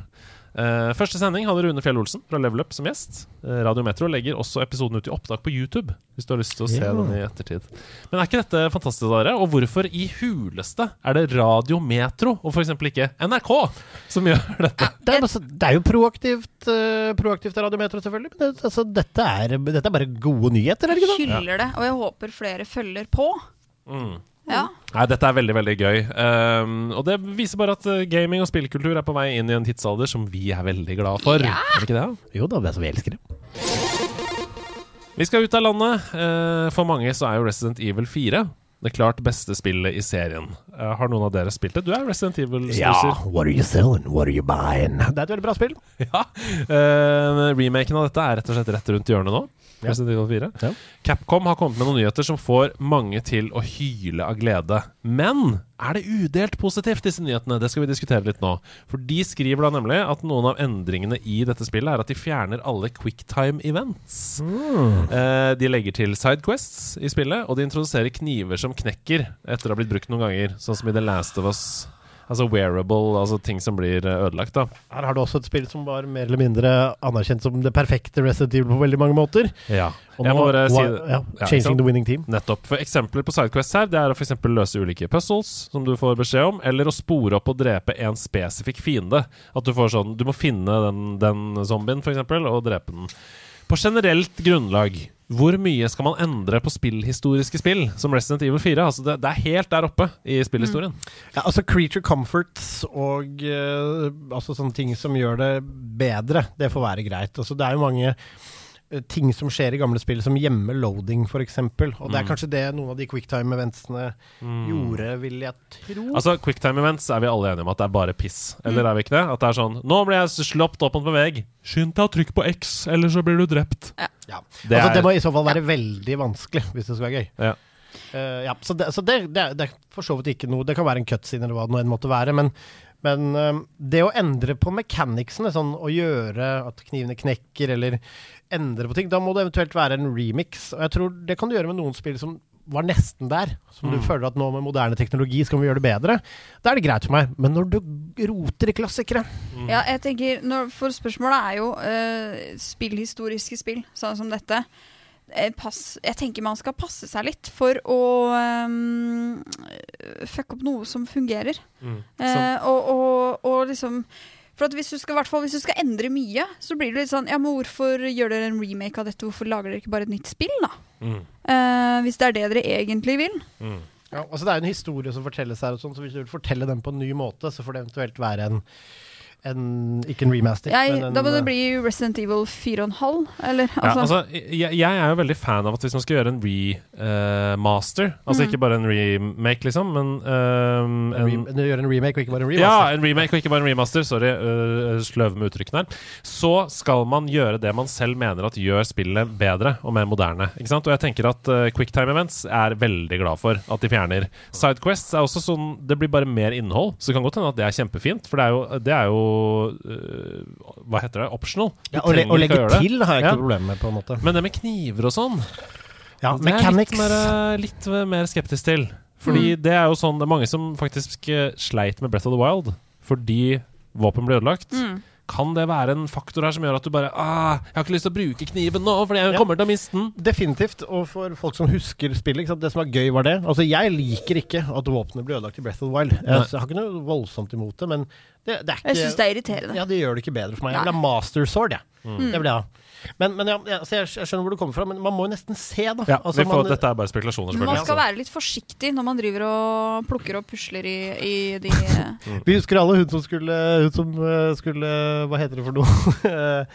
Eh, Restaurere det Jesus-ikonbildet. det kan gå litt skeis òg, hvis ikke du viser eh, respekt.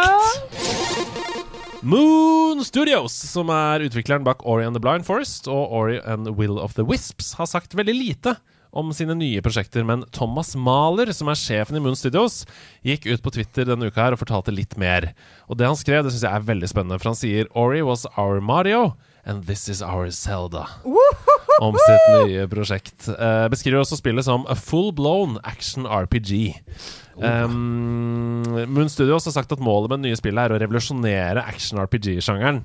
Uh, Microsoft har jo hittil hatt enerett på Ori-universet, men denne gangen så er det faktisk Moon Studios som har inngått en avtale med eh, Private Division, en ny utgiver, og sier selv at grunnen til det er at de ønsker å nå ut til flere. Så nå får vi kanskje Moon Studios sine spill på PlayStation.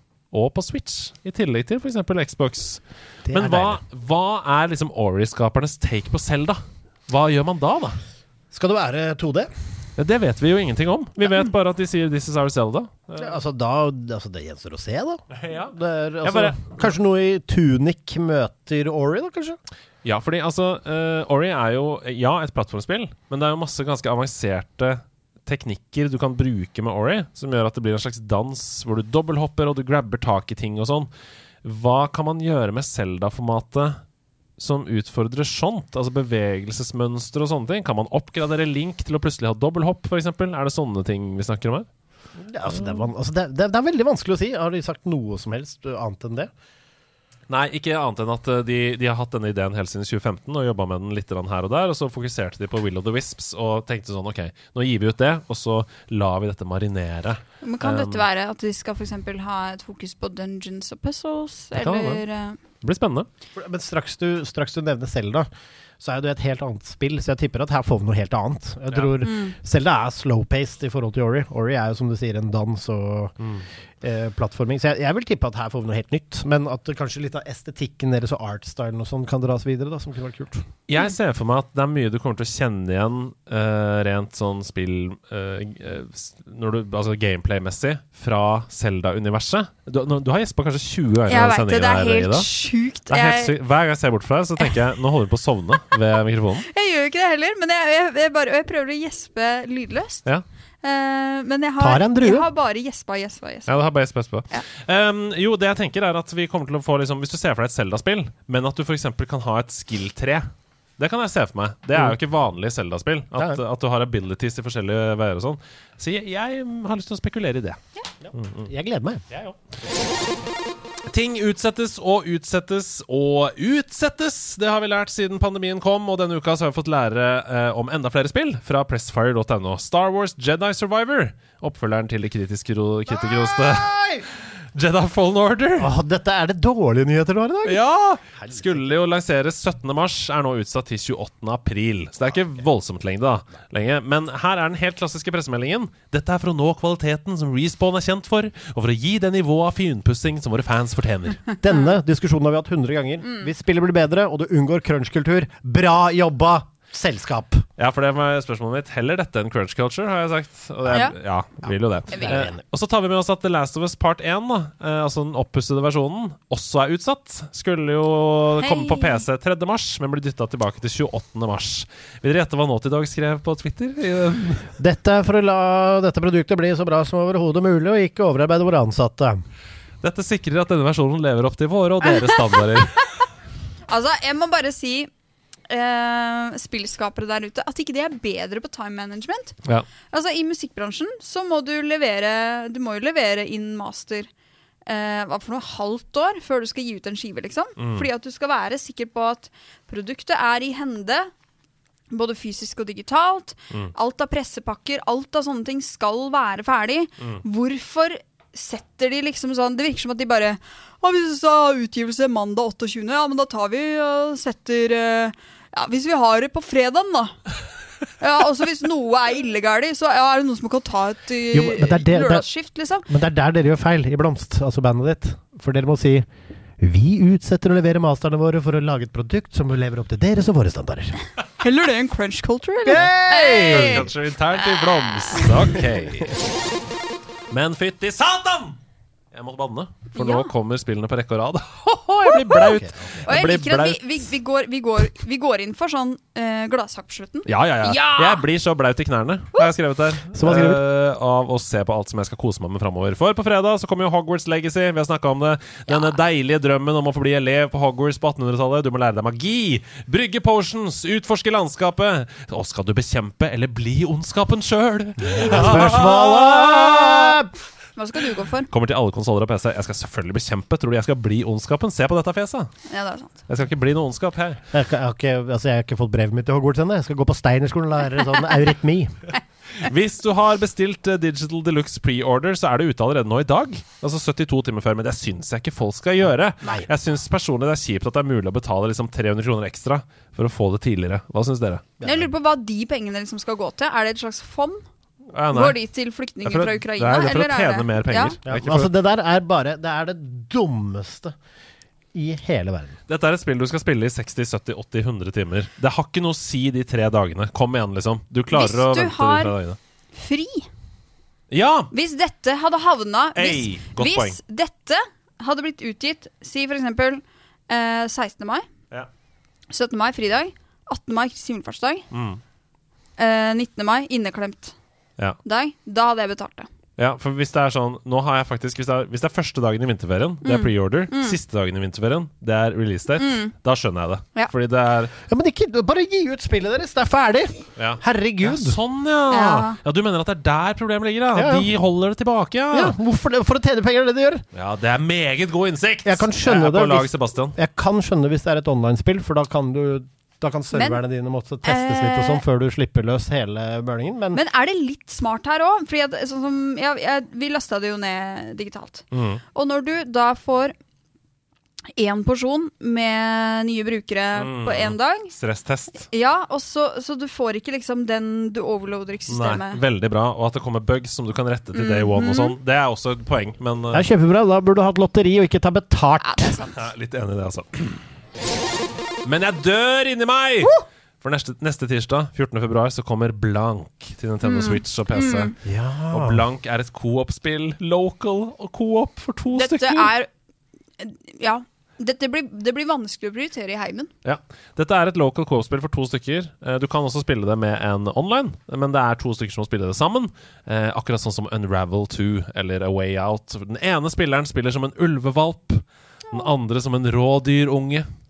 Begge har kommet bort fra familiene sine og må jobbe sammen for å finne veien det er hjem. da Akkurat sånn som vi tar naturen på ordentlig. Ja, for det er det. Her er pressemeldingen. Blank follows the journey of a wolf, cub and a fawn stranded in a vast snowy wilderness that have to work together in an unlikely partnership Unlikely. to find their way home in this handcrafted, emotional co-op adventure game. Og jeg så sånn Jeg så noen som skrev under den øverste kommentaren var sånn her Dette ser helt fantastisk ut. Jeg er klar for å få hjertet mitt knust.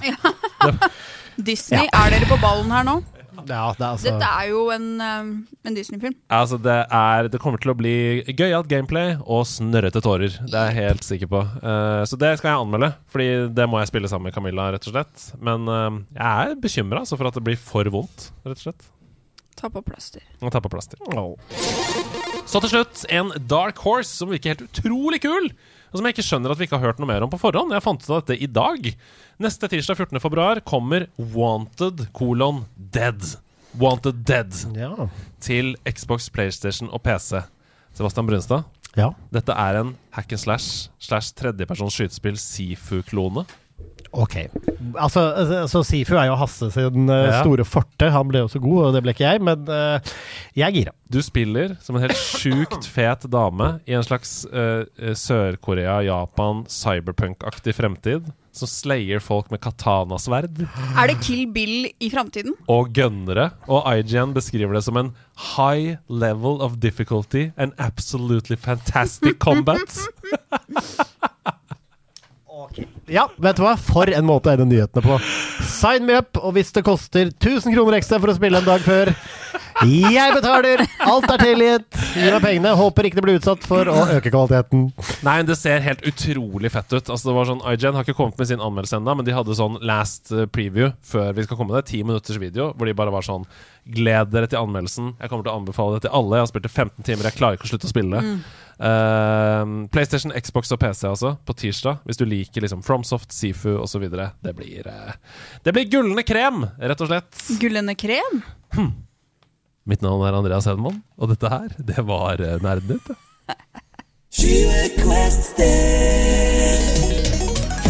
Ja, vi er her tilbake igjen, og det er veldig rart at vi har 20 Quest Steps, for Hasse er ikke her, men i hans eh, Ja, Noen ganger så glemmer man litt grann akkurat hvordan man gjør den tingen der, men det eneste som er 100% sikkert, er at vi må løse det på ah, shit. Jeg skulle si at i hans sted så har det kommet en kvinne som har tenkt å holde 20 Quest Steps for Sebastian og meg. Så vi skal da eh, forsøke å slå hjernene våre sammen for å forstå hvilken spillkarakter, eller hvilket spill, det er Ida forsøker å eh, vise oss her. Har du tenkt på en, en tittel, eller skal du spille en karakter? Uh, jeg, jeg, skal gjøre begge deler. Eller, men jeg Ja. Eh, jeg har ikke spilt dette spillet så mye. Nei. Og jeg er ikke, dette blir ingen god parodi. Nei, men det går bra. Sånn at eh, det, er, det er et slags forsøk. Den er grei. Har du lyst til å begynne å stille spørsmål, Sebastian, for å se om vi kommer nærmere på 20 spørsmål? Så skal jeg holde oversikten over antall spørsmål. Ja. Er du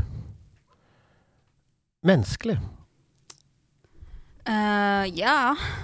Oi! Yeah. Sassy. Sassy. Eh, s- og, og girly òg, eller? Hørtes ut som ja. Ja, La opp der. Ja. Ja. Ehm, ok, så du er en karakter som er Og vi må først De første spørsmålene må handle om karakteren, for ellers kan det bli for lett. Så vi må ikke bare sånn «Øh, Er du på PlayStation?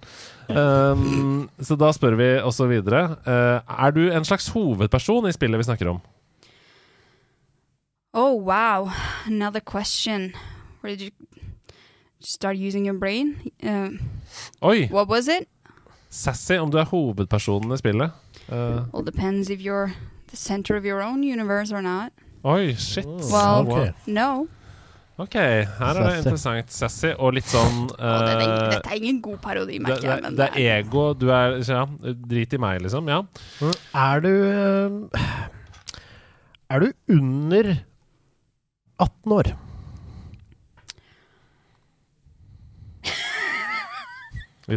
Ida? Um, uh, Hvis du why skal don't you tippe just stop looking at me Oi. and look at my body and try to figure out if I'm legal or not? Oi, oi, oi! Vil ikke svare på Men å, det, Kan det være Luigi? Er det Peach eller Birdo, kanskje? Ja, ja. oh, er det- Bird. Look at my body, find out if I'm legal or not. Birdo. Ehm, ja, nei, jeg, vet du hva? Jeg, dette er noen sassy greier. Og det, det kan jo være fra noe veldig moderne. Jeg tror vi skal gå over på å begynne å snakke om spillet. Spørre om spillet. Uh, er dette et skyte... Bruker man våpen i dette spillet? Er det skytespill? Wow, another question. Yay. Yeah. Oi! Veldig. Veldig Ikke noe hyggelig i det hele Skal tatt! påpeke hver gang at hun ikke har lyst til å være med i denne leken. Som er veldig synd. Når premisset er at hun må svare på spørsmål, så Ja. er det veldig synd at karakteren ikke vil svare på spørsmål. Men det er et skytespill. Eh, Da, da føles det jo som Altså Det eneste stedet jeg kjenner så sassy karakterer som dette, er jo Borderlands-universet. Fort. Jo, en, eh, det lukter en lita jente her. Det kan være Tiny Tina, ja. Ja. Men det kan være andre også i Borderlands-universet. Eh, Claptrap, ja. vi- kan jeg spørre om det? Skal vi til Borderlands-universet? Another question. Actually, I mean it. It's quite impressive how you managed to come up with. I just don't know how to be sincere. Um, no, Oi, shit! Vi er wrong ikke, way. Vi er ikke Wrong way. Ok, Så dette er kanskje en Ok, de, hun er Hun vet ikke hvordan man skal svare på spørsmål. Kanskje prøver bokstavelig talt å si at det er det stemmen i Gran Turismo som sier 'wrong way'? ok, ja. Er du foreldreløs? That's just sad. No. Ok. Jeg, bare, jeg begynner å lure på om dette er et menneske i det hele tatt. Sa hun det? Er du menneskelig? Så sa hun ja. Yeah. Yeah, sa hun ja. That's just sad. Um, ikke sant, fordi da, nå utelukka du eh, Clementine fra The Walking Dead umiddelbart. Ja, og Ellie. Og som Ellie, ja. også kan være litt sass. Ja, Sasselini. Andre Sassolina, da var det Sassolina. Det var Rotore! Ja. Ja. Uh, jeg tenker at vi må spørre om Er du konsolleksklusivt? Er spillet ditt konsolleksklusivt? I'm glad you found a good question. Yeah. Ok, Så det er et konsolleksklusivt spill. Da er det jo enten Jeg, jeg må si at denne karakteren her fins ikke på Xbox uh, i konsolleksklusivitet. Så da må det være enten PlayStation eller Nintendo som er konsolleksklusiviteten. Nintendo har ikke sånne folk. Nei, det må være PlayStation. Og hvor skal vi da? Skal vi til godeste Horizon Zero Dawn? Nei, vi skal jo ikke det. Til Aloy. Nei. Eh, er dette et spill som har um, Er ikke hun en ordentlig drittsekk, hun i Forspoken? Oi Jo, hun er Sass McQueen, men hun har ikke spilt for Spoken. Ida. Um, Ja, hun kan overraske. Hun, ba, hun er, dette et spill, er dette et spill fra de siste ti årene? Ja. Ok. Kan jeg bare gå ut av karakter? Ja, Jeg gjør ja, det nå. For jeg, jeg føler ikke jeg har så mye mer å tilføre karakteren. Nei. Okay, Så vi har spurt åtte spørsmål, spørsmål. Det er fra de siste ti årene. Så fra 2013 til 2023. Um, det betyr at det er veldig nytt. Um, Er det fra 2020-tallet? Jeg bare gønner. Ja. Oi, det er fra 2020-tallet! Mm. Da begynner vi å bli veldig snevert, da. Mm. PlayStation eksklusiv 2020 til 2023. Pandemienes år. Mm. Eh, men Har vi gått oss fast i PlayStation nå, kanskje? Er det på altså, PlayStation? Altså, er vi sikre på Nei! Det er ikke på PlayStation! Oi. Og det er konsolleksklusivt og ikke på PlayStation. Da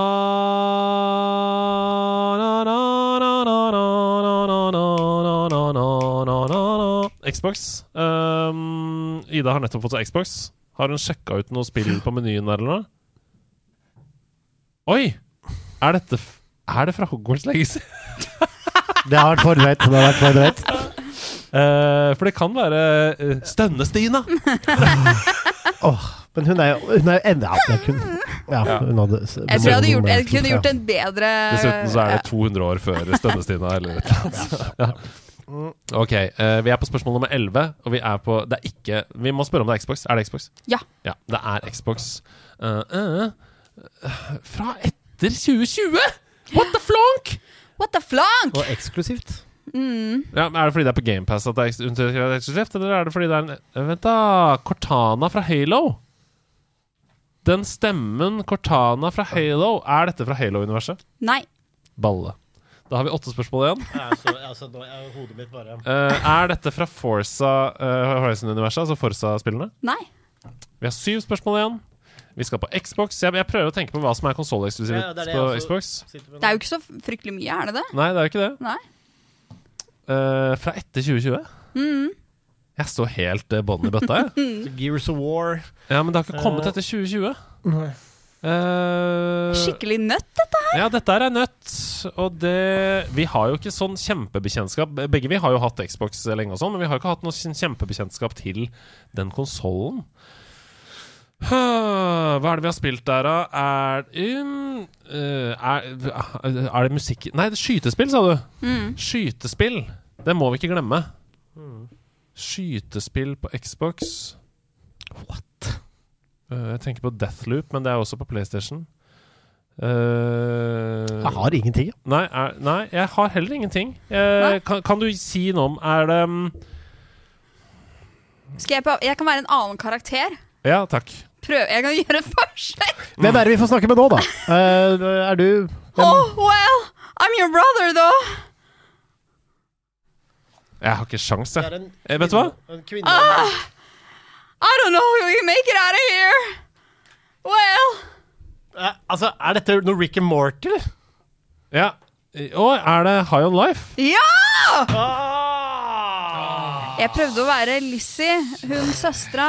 Altså Jeg har ikke spilt det, men uh, Hva, hva, hva Morty Det var Mor- Mor- såpass? Morten var, ne- var, var nærme. Ja. Andreas har bare dødd! Han har spilt... Han er omkommet! Andreas er borte. Han har merga inn i pulten. Jeg orker ikke mer. Nei. Eh, High On Life er det kanskje det ene, men er det Xbox eksklusivt? Jeg Ja, føler- det er, det er jo på det er på PC. GamePass. Men... Ja, det er på PC og Xbox. Fantastisk. Det er, det det er eh, konsolleksklusivt, da. Ja, ja, ja. Jeg, eh, jeg har rett og slett sp Jeg spilte det jo Jeg spilte halvveis gjennom, og så ble jeg drittlei Mm. Ja. Mm. av den humoren. Eh, og så klarte jeg ikke å spille mer, fordi jeg ble drittlei av den humoren. Eh, men Det er jo selvfølgelig er det det masete spillet. altså det er jo en ma jeg, I hvert fall, jeg liker jo godt Rick and Morty. Jeg liker eh, den stemmeskuespilleren og, sånn som i, i Rick, eh, eh, Adventure Time med, med Lemon Grab og sånn òg. Ja, ja, ja. Elsker det. Men mange timer i strekk, det er jo dritslitsomt. Ja. Nei, det var et spill som jeg syntes var skikkelig bra de første to timene, og så bare falt det helt fra hverandre Mm. for min del. Um, men utrolig bra oppgave. Jeg kjenner jo ikke igjen denne karakteren. Jeg vet ikke hvem karakteren Jeg føler fortsatt ikke hvem karakteren Det er. er søstera til hovedpersonen. Vet ikke. Hun er jo med fra starten av. Ja, nettopp. Ja. Det sier jo alt. Uh, jeg husker at hun sto inne på kjøkkenet ja. her og var sur. Det er det eneste jeg husker. Hun er jo Så- bare litt sånn Oh, wow. Ja. Glad you found your calling. Ja, hun er kjempeironisk hele tiden.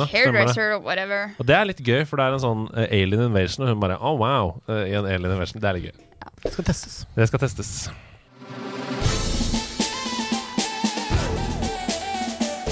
Gå lydplanken. Dere små snuskete pirater! Dere er på min lydplankebåt, eller altså piratskip, som det heter på piratspråk. Får jeg være med på, på piratskipet ditt? Du får være med ut på lydplanken, Å, der du nei! skal konkurrere mot Sebastian Nei! Brynstad. Oi, oi, oi. Mester! Jeg har ikke sjørøverkarakter. Men Du er jo ehm, er du, du er Pilot Wings, men er du, jeg er Pilot Wings, men ja. er du Plank Wings? Plank wings! Det er for svakt, Ida. Det er for svagt. Altså, alle ordspill må ikke ordspilles. Nei, alle ordspill må ikke Pig ordspilles. in a Vi, vi skal komme i gang med Gå lydplanken her. eh, og den første oppgaven Dette er en litt eh, artig Dette er en litt artig vri, denne Gå lydplanken-spalten i Skal dag. vi, skal vi leke med formatet? Eh, på en måte. Dere må i hvert fall rope ut hvilket spill denne musikken er fra. Og så um, Ja, så kommer det et oppfølgingsspørsmål knytta til det etterpå. Husk å rope navnet når du skjønner. Så foreløpig helt ordinært. Nei. Følg med. Ok. Følg med. Her kommer første oppgave.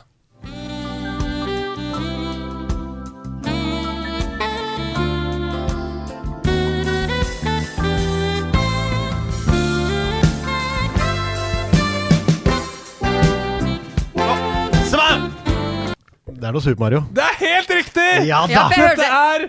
Dette er Super Mario 1! Ja, ja, dette er lounge jazz-versjoner, er det det? Er det det? Er det gladjazz-versjoner? Ja, vi kommer tilbake til det. Eh, veldig bra, Seb. Du får ett poeng der. Super. Mario 1. Hva heter Og her skal dere bestemme dere for et svar. Hva heter karakteren som Mario er basert på?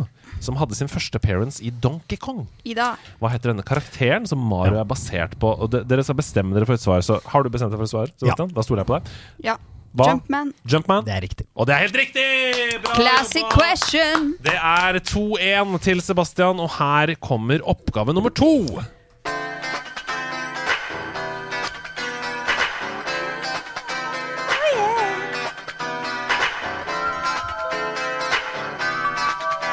Å, ja, ja, ja. Ida? Det er Selda? Nei. Nei, nei, nei, nei, nei, nei.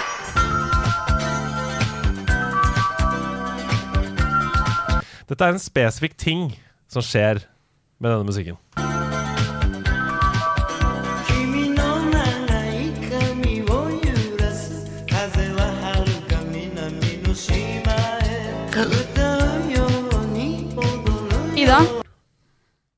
Er det, det er Mario Kart? Nei? Nei, vi tar det fra starten igjen.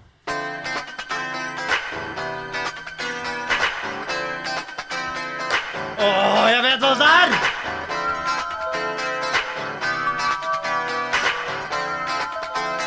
Jeg vet jo hva dette er, men jeg husker ikke. Ja. Kan ikke huske det. Nei. Åh, hva, men det- dette er Dette er jo helt Sebastian Å, er det er Er det- chatten koker nå, tenker jeg. Ja, det klør inne i hodet er det- til Sebastian. Uh, Det er ikke um, Ja, kom hva, igjen. har, har har vi vært inne på spillet? Eller sjanger? Eh, ja. Ja, det er Mario. Ja. Ja. Men Det er uh, når du er super. når Du er stor. Når, når du har stjerne! Det er når du har stjerne! Ja, når du er super. Ja, det skal du få det for. Du få for. Ja, det, er helt riktig. Det er når du har stjerneability i Mara. Ja. Fett, fett, fett. Helt riktig. Dette er gøy! Dette er veldig gøy. Og her Er det Fantastic? Ja, dette er Fantastic. Fantastisk! Altså, Fantastic. Vær så god. Fantastic! You're goddamn right. Oh yeah. I'm impressed. Ja. Impressed. Yes. Ok, Septastic. Her kommer oppfølgingsspørsmålet. Hvor, og her, kan dere, her er det liksom om å å komme nærmest, da. Eh, Ja. Hvor mange yrker har Mario hatt? Hvor mange yrker har Mario hatt i forskjellige spill? Um, og da er for eksempel, jeg må bare si det, da er jo for eksempel golfspiller. Det er jo et yrke. Ikke sant? Så nå, har jeg gitt dere ett yrke. Eh, så kan dere få lov til å tenke litt mens jeg snakker litt med meg selv, og fokuserer litt innover i meg selv mens dere tenker på antall Jeg har et eh, forslag. Eh, Ida har kommet med et forslag, men Mm. Sebastian trenger å tenke litt mer. Så da sier jeg til dere Det er litt interessant å tenke på at endelig så kan vi fly på sopelimet i Hogwarts Legacy. Og jeg syns det grepet de har gjort med at man kan fly eh, veldig raskt når man er langs bakken, men, og så lenge du vil, men når du flyr opp i lufta da eh, har du et tids eh, Altså da har du tidsbegrensa hvor lenge du kan gjøre det. Fordi de vil at du skal være nede på bakken ikke sant? og utforske og sånn. så De vil ikke at du bare skal fly av gårde. OK. Da trenger vi antall yrker på Mario. Ida, har du, du har bestemt deg for et tall? Mm. Du har bestemt deg for et tall? Ja. Hva er ditt svar, Ida? Ti. Sju. Og det riktige svaret er tolv. Det betyr at Eller- Ida utligner eh, Ja, til 2-2 Og det blir her. spennende. Eh, nei, vent da, du fikk jo 2-2 fordi du hadde stjernetema, så du går faktisk opp i ledelsen. 3-2. Og da, bare for å lese opp de forskjellige, det er snekker i Donkey Kong, det er rørlegger i Super Mario Bros, det er doktor i Dr. Mario, racerbilsjåfør i Mario Kart, kampsportutøver i Smash Bros, baseballspiller i Mario Baseball, fotballspiller i Super Mario Strikers, eh, basketballspiller i Slam Basketball, What? golfspiller, tennisspiller i Mario Tennis, bygningsarbeider i Super Mario Maker, er og det. olympier i Mario and Sonic at Ja, the åh, Olympics. Jeg hadde olympier, men Ja. bomma på en del. Ok, det er 3-2. Her kommer den siste oppgaven. Hva, hvor skal vi her?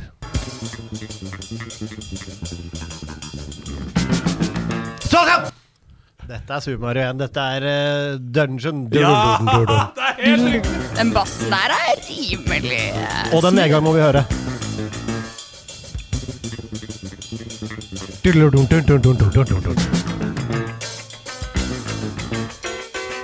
Og vet du hva? De der fikk sekser på musikklinja på Foss, og nå på Manglerud. Ja, ja, Og ja. gått konservatorium i Danmark. Nå er det ingen som hører på dem spille, men fy faen, de koser seg. Her er spørsmålet. Det er utligna, det er 3-3. Ifølge Mario Law, hvorfor må Mario redde prinsesse Toadstool i Super Mario Bros. fra 1985? Altså ifølge Mario Law, hvorfor må Mario redde prinsessen i Super Mario Bros. 1 i 1985? Tenk litt på det, dere, mens jeg går og lukker døra igjen. Fordi nå kom det folk her. ja. Har du lyst til å avsløre noen uh, tanker du har, uh, refleksjoner du har? Hjelp hverandre nå. Eh, Ikke dette er ikke Kojima-koden, Ida. Ehm, hva er uh, Lauren her? Jeg vil ha et forslag, jeg. Ida, hva er Lauren? Hvorfor må Mario redde prinsesse Toadstool? Eh, fordi Toad har bedt, bedt han om det. Todd har bedt Mario om å redde prinsessen. Hva sier du, tenker du? jeg vet ikke om jeg blander meg, men det skal være en eller annen fest som hun skal arrangere. eller noe sånt. Hun blir ja. stjålet, eller om det er noe bryllup. Bryllup. Ja. ja, I Super Mario 64 så er det noe kake som skal lages, men det er ikke det i Super Mario 1. Coopene har rett og slett forvandlet soppefolket til bricks og planter. Og prinsesse Toadstool er den eneste som kan forvandle den tilbake til Ja. sin naturlige form. Det betyr at det er 3-3, og at det kommer til å avgjøre hvem det er som skjønner fellesnevneren mellom disse tre låtene. For dette er nemlig låtene T-Square med Sister Marion, det er Piper med Summer Breeze, og det er Friendship med Let's Not Talk About It. En gang til. Fortell låtene, titlene. Nei, det har ikke noe å si. Ah, okay. Hva er fellesnevneren mellom disse tre låtene? Sebastian, altså Ja. det er, alle er i Super Mario 1. Eh, Nei, det er ikke riktig. Det er jo riktig, men det er ikke det jeg skal se fram til. Eh, Ida, Ja. eh, alle er spilt eh, av et uh, jazzorkester. Ja. Nei, det er Så- feil. Alle er uh, akustiske. Nei, det er også Alle har en fremtredende basslinje. Nei, jeg tror nå at dere tenker omvendt vei, Mm. hvis det er et hint. Mm. Eh, hæ? Omvendt vei. Alle disse låtene ble laget til spillet. Nei. Samme komponist. Nei da. Alle disse låtene er det det, er det det vi skal frem til? Alle disse låtene, er det starten på, på et riktig svar? Eller er det alle disse spillene? Nei, det, det, er noe med musikken, ja. Men dere, det som er så interessant, er at dere klarer ikke å tenke omvendt. Dere, dere har låst dere i en Omvendt fast da, sannhet. Dere har låst dere i en fast sannhet. Ja. Ingen av disse spillene, låtene, er med i spillet! Jo da. Jo, men de er jo ikke den, ikke den versjonen. Ingen av disse låtene spiller hovedmelodilinja. Ingen av disse det låtene um, Det var eh, dere, dere klarer ikke dette, så jeg er nødt til å gi dere svaret. Det er Disse låtene kom før spillet. Altså eh, Koji Kondo, som har komponert musikken, er inspirert av disse låtene. Nei! med trynet mitt?! Nintendo, Nintendo kom etter Dette disse er jo covers! Nettopp! Det er omvendt! Dette er jo Altså, vet du hva? Super Mario Vet- vet du hva? herlig! Vet du hva, Sebtastic, dette er kanskje ditt, dette er ditt fineste øyeblikk. Dette eh, er ditt Magnus opus. Er ikke på det helt Magnus sjukt? opus. Super Mario Theme! Ford Mondeo. Det er din Ford Mondeo. Hør på dette igjen. Hør på dette igjen. Altså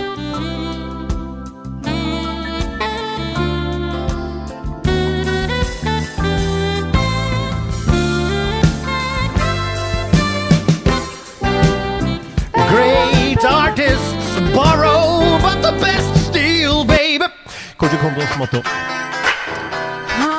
yeah. Ja. Åh, tenkte han bassisten der, ja. Men ble de betalt? De må På jo ingen som helst måte! Vet du hva, hvis, Det er jo tyveri!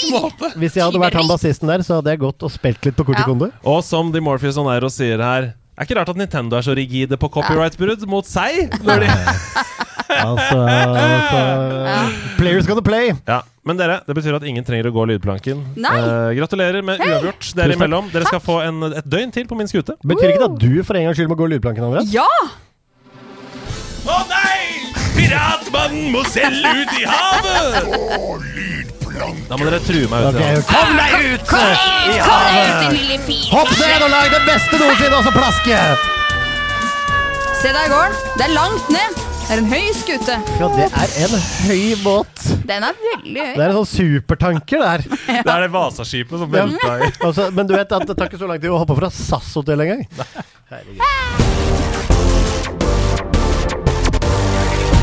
De fire store.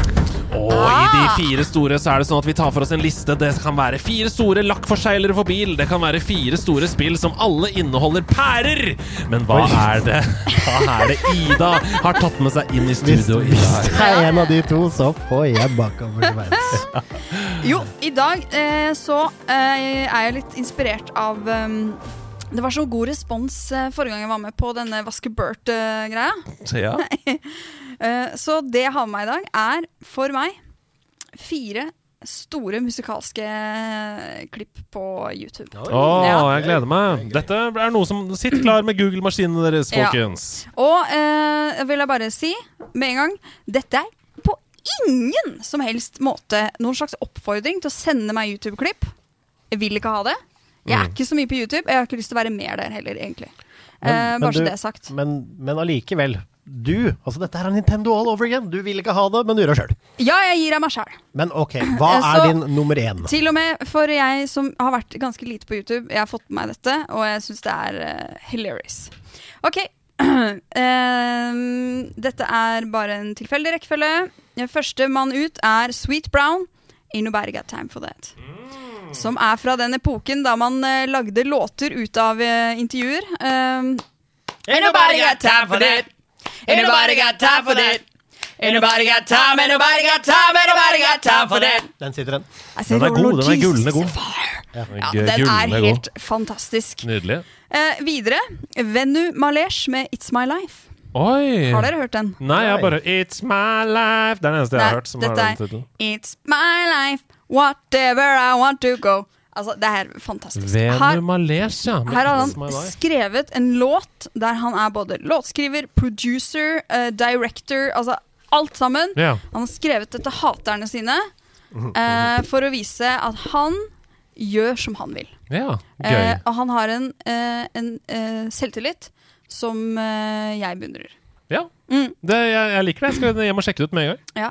Også fraser som I am a very eh, good bad boy. Og I am a very good bad boy. Ja. Det er uh, linguistisk uh, Det er er parad paradoksal kunst. Ja, det er Ja. deilig. Videre så må vi jo ha med låta They're Taking The Hobbits to Isengard. They're taking the hobbits to Isengard. They're taking the Hobbits to Isengard. God, God, God, God. Jeg vil anbefale ten hour version. Ja, den er veldig meget, meget god. Da får du hørt den. Ja, ja. Eh, hva er det han synger? Eh, tell me where is Gandalf, for I much desire to speak with him. A Balrog of Mordor. Det er så gøy, for jeg så jo alle disse filmene i extended versjon igjen i jula. Og det er ødelagt for meg for alltid Ja. når de sier They're taking the hobbits to Isengard! Og det, og det, og det kommer noen, det kommer noen brudd der. The hobbits, the hobbits, the hobbits, the hobbits to Isengard, to Isengard! Men dette er jo, altså, det er jo Det er banger. Ja, det er en banger. Ja, ja. Eh, til slutt uh, så har jeg med den som heter Loses Loses Magnificent Seven Tone Fart Symphony. Ja. Har dere Jeg syns, altså, syns prompehumor er morsomt. Ja, altså det, altså, Når det er gjort riktig. det var vel Louis CK som sa det at uh, promp er gøy. What's not to love? It's a trumpet sound coming out of your ass and it smells funny. Ja. Men, uh, men uh, Det er også promp som i tonene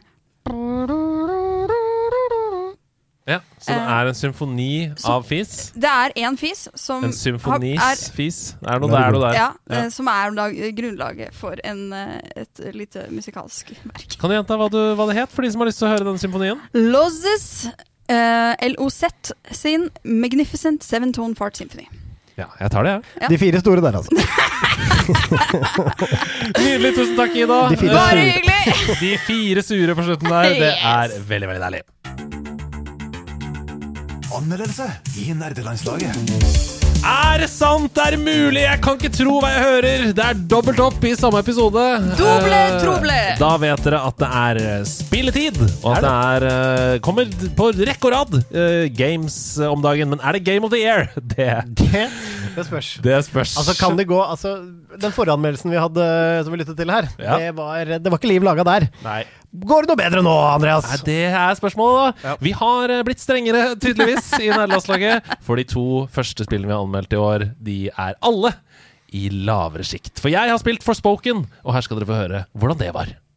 Everyone has something they're willing to fight for. Could be family, friends, your beliefs, your home. Doesn't matter who you are, there's just some things you have to protect.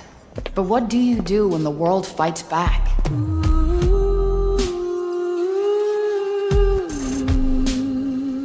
Jeg veit ikke om det handler om for lite erfaring, for lite talent, for lite tid eller en kombinasjon av alle tre, men Luminous Productions, selskapet som står bak action-eventyrspillet Forspoken, har rett og slett ikke klart å lage et spill som er verdt å spille. Forspoken er studioets første spill, og resultatet er et kjedelig, frustrerende og masete eventyr som koster 800 kroner og tar ti timer å lide seg gjennom. Oh, bring it, you mangled monsters!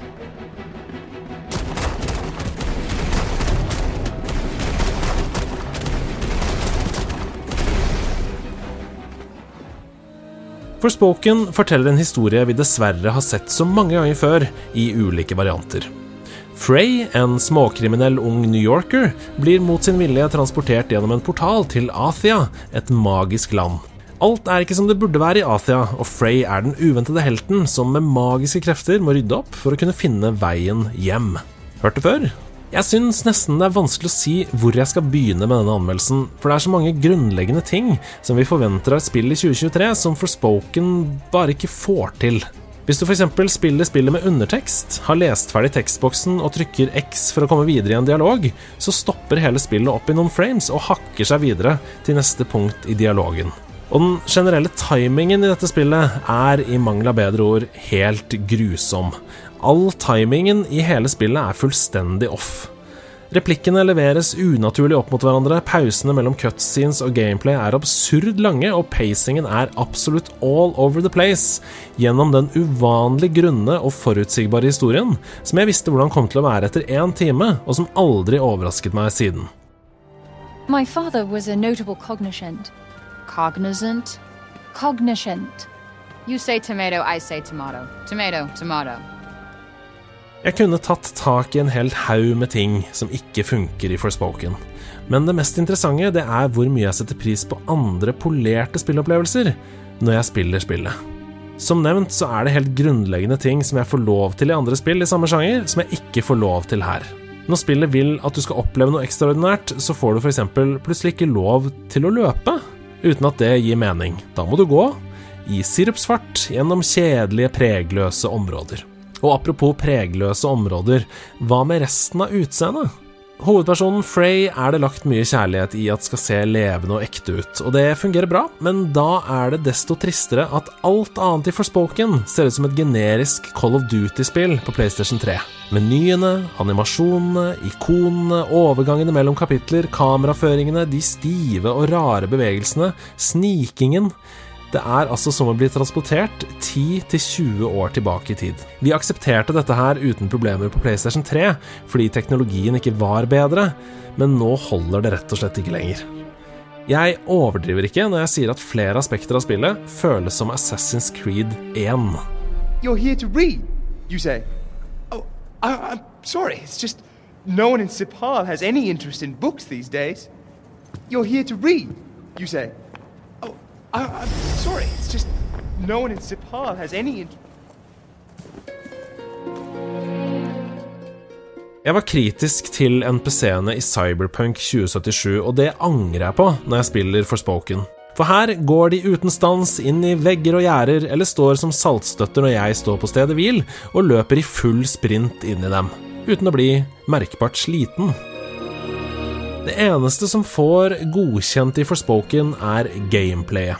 De gangene du får lov til å faktisk spille spillet, da. Combat-systemet er gjennomarbeida og dypt, og det er gøy å mestre de ulike delene av det mot fiender som til tider også er imponerende. Og noen bosskamper er faktisk virkelig utfordrende, der hvor du i beste FromSoft-stil må lese angrepsmønstre, dodge, rolle og dodge-rolle, og variere mellom nær- og fjernangrep, for så til slutt å gå seirende ut av duellene. Men det er trist at det er så langt mellom dem. Jeg ser andre skryte av at combat-gameplayet tar seg opp mot slutten, og jeg er til en viss grad enig i det. I retrospekt så er det mulig jeg bare hadde på for enkel vanskelighetsgrad, jeg spilte på default, men mot slutten så ville jeg bare gjennom, så jeg kunne slutte å spille Forspoken, slette det fra harddisken og skrive denne anmeldelsen. Det virker for meg som om Luminus har lagt all sjela si ned i selve combat-systemet, og deretter forsøkt å sy et spill rundt det. Og det kan fungere i spill der hvor historien ikke er viktig, eller der hvor verdensbyggingen og stemningen gir spillet en underfortalt historie, sånn som i Demon's Souls. Men i et spill som forsøker å spille på de emosjonelle strengene i like stor grad som God of War Ragnarok, så er det rett og slett pinlig å se hvor elendig manuset er. Hvor utrolig lite jeg bryr meg om noen av karakterene i spillet, og hvor flau jeg blir når hovedpersonen Frey kaller noen 'asshole' for 900. gang. Og det kan hende at dette her fornærmer noen, altså, men jeg er pisslei av den måten å skrive dialog på som det har gått inflasjon i i Hollywood. Der hvor hovedpersonen skal påpeke med overrasket mine på en sånn metamåte hvor rå vedkommende plutselig er blitt. Her er et eksempel fra Forspoken. I just move shit with my freaking mind! yeah, okay, that is something I do now. I do magic, talk to sentient cuffs, kill jacked up beasts. You know what? I'll probably fly next. Now you're just being ridiculous. Det å kommentere liksom på egne evner på den måten, det var, det var gøy i de første MCU-filmene, men nå syns jeg det må holde. Hver gang Frey ser mot kamera og sier I think we just leveled up, så har jeg lyst til å skru av. Dette her det er rett og slett det første Triple A-spillet jeg har spilt, der jeg desperat forsøker å komme meg gjennom hovedhistorien og er helt fullstendig uinteressert i å lete etter kister, følge sidequests eller utforske hva verden har å by på. For når jeg først forsøker å utforske, så fylles skjermen rett som det er av en melding der det står You have strayed too far from your destination, returning you to the starting point. Før jeg blir tvunget tilbake på reisen spillet ønsker jeg skal ta. Det er ikke tull. Det loader forrige checkpoint. Jeg høres kanskje unødvendig sint ut i denne anmeldelsen, for det er jo bare spill. Men jeg blir sint når spillopplevelser kaster bort tiden vår. Tiden vår er det mest dyrebare vi har. Det er et hån mot spillere at Forspoken koster 800 kroner. Jeg kan til nøds gå med på at det er verdt en hundrelapp dersom det i fremtiden finnes en mode som kutter alt av cutscenes, dialog og historie og bare lar deg spille gjennom bosskamper og slåssing mot fiender fra start til slutt. For resten av spillet er nemlig veldig, veldig kjedelig. Forspoken får 35 av 100 Hedemann, og er det svakeste Triple A-spillet jeg har spilt siden Anthem.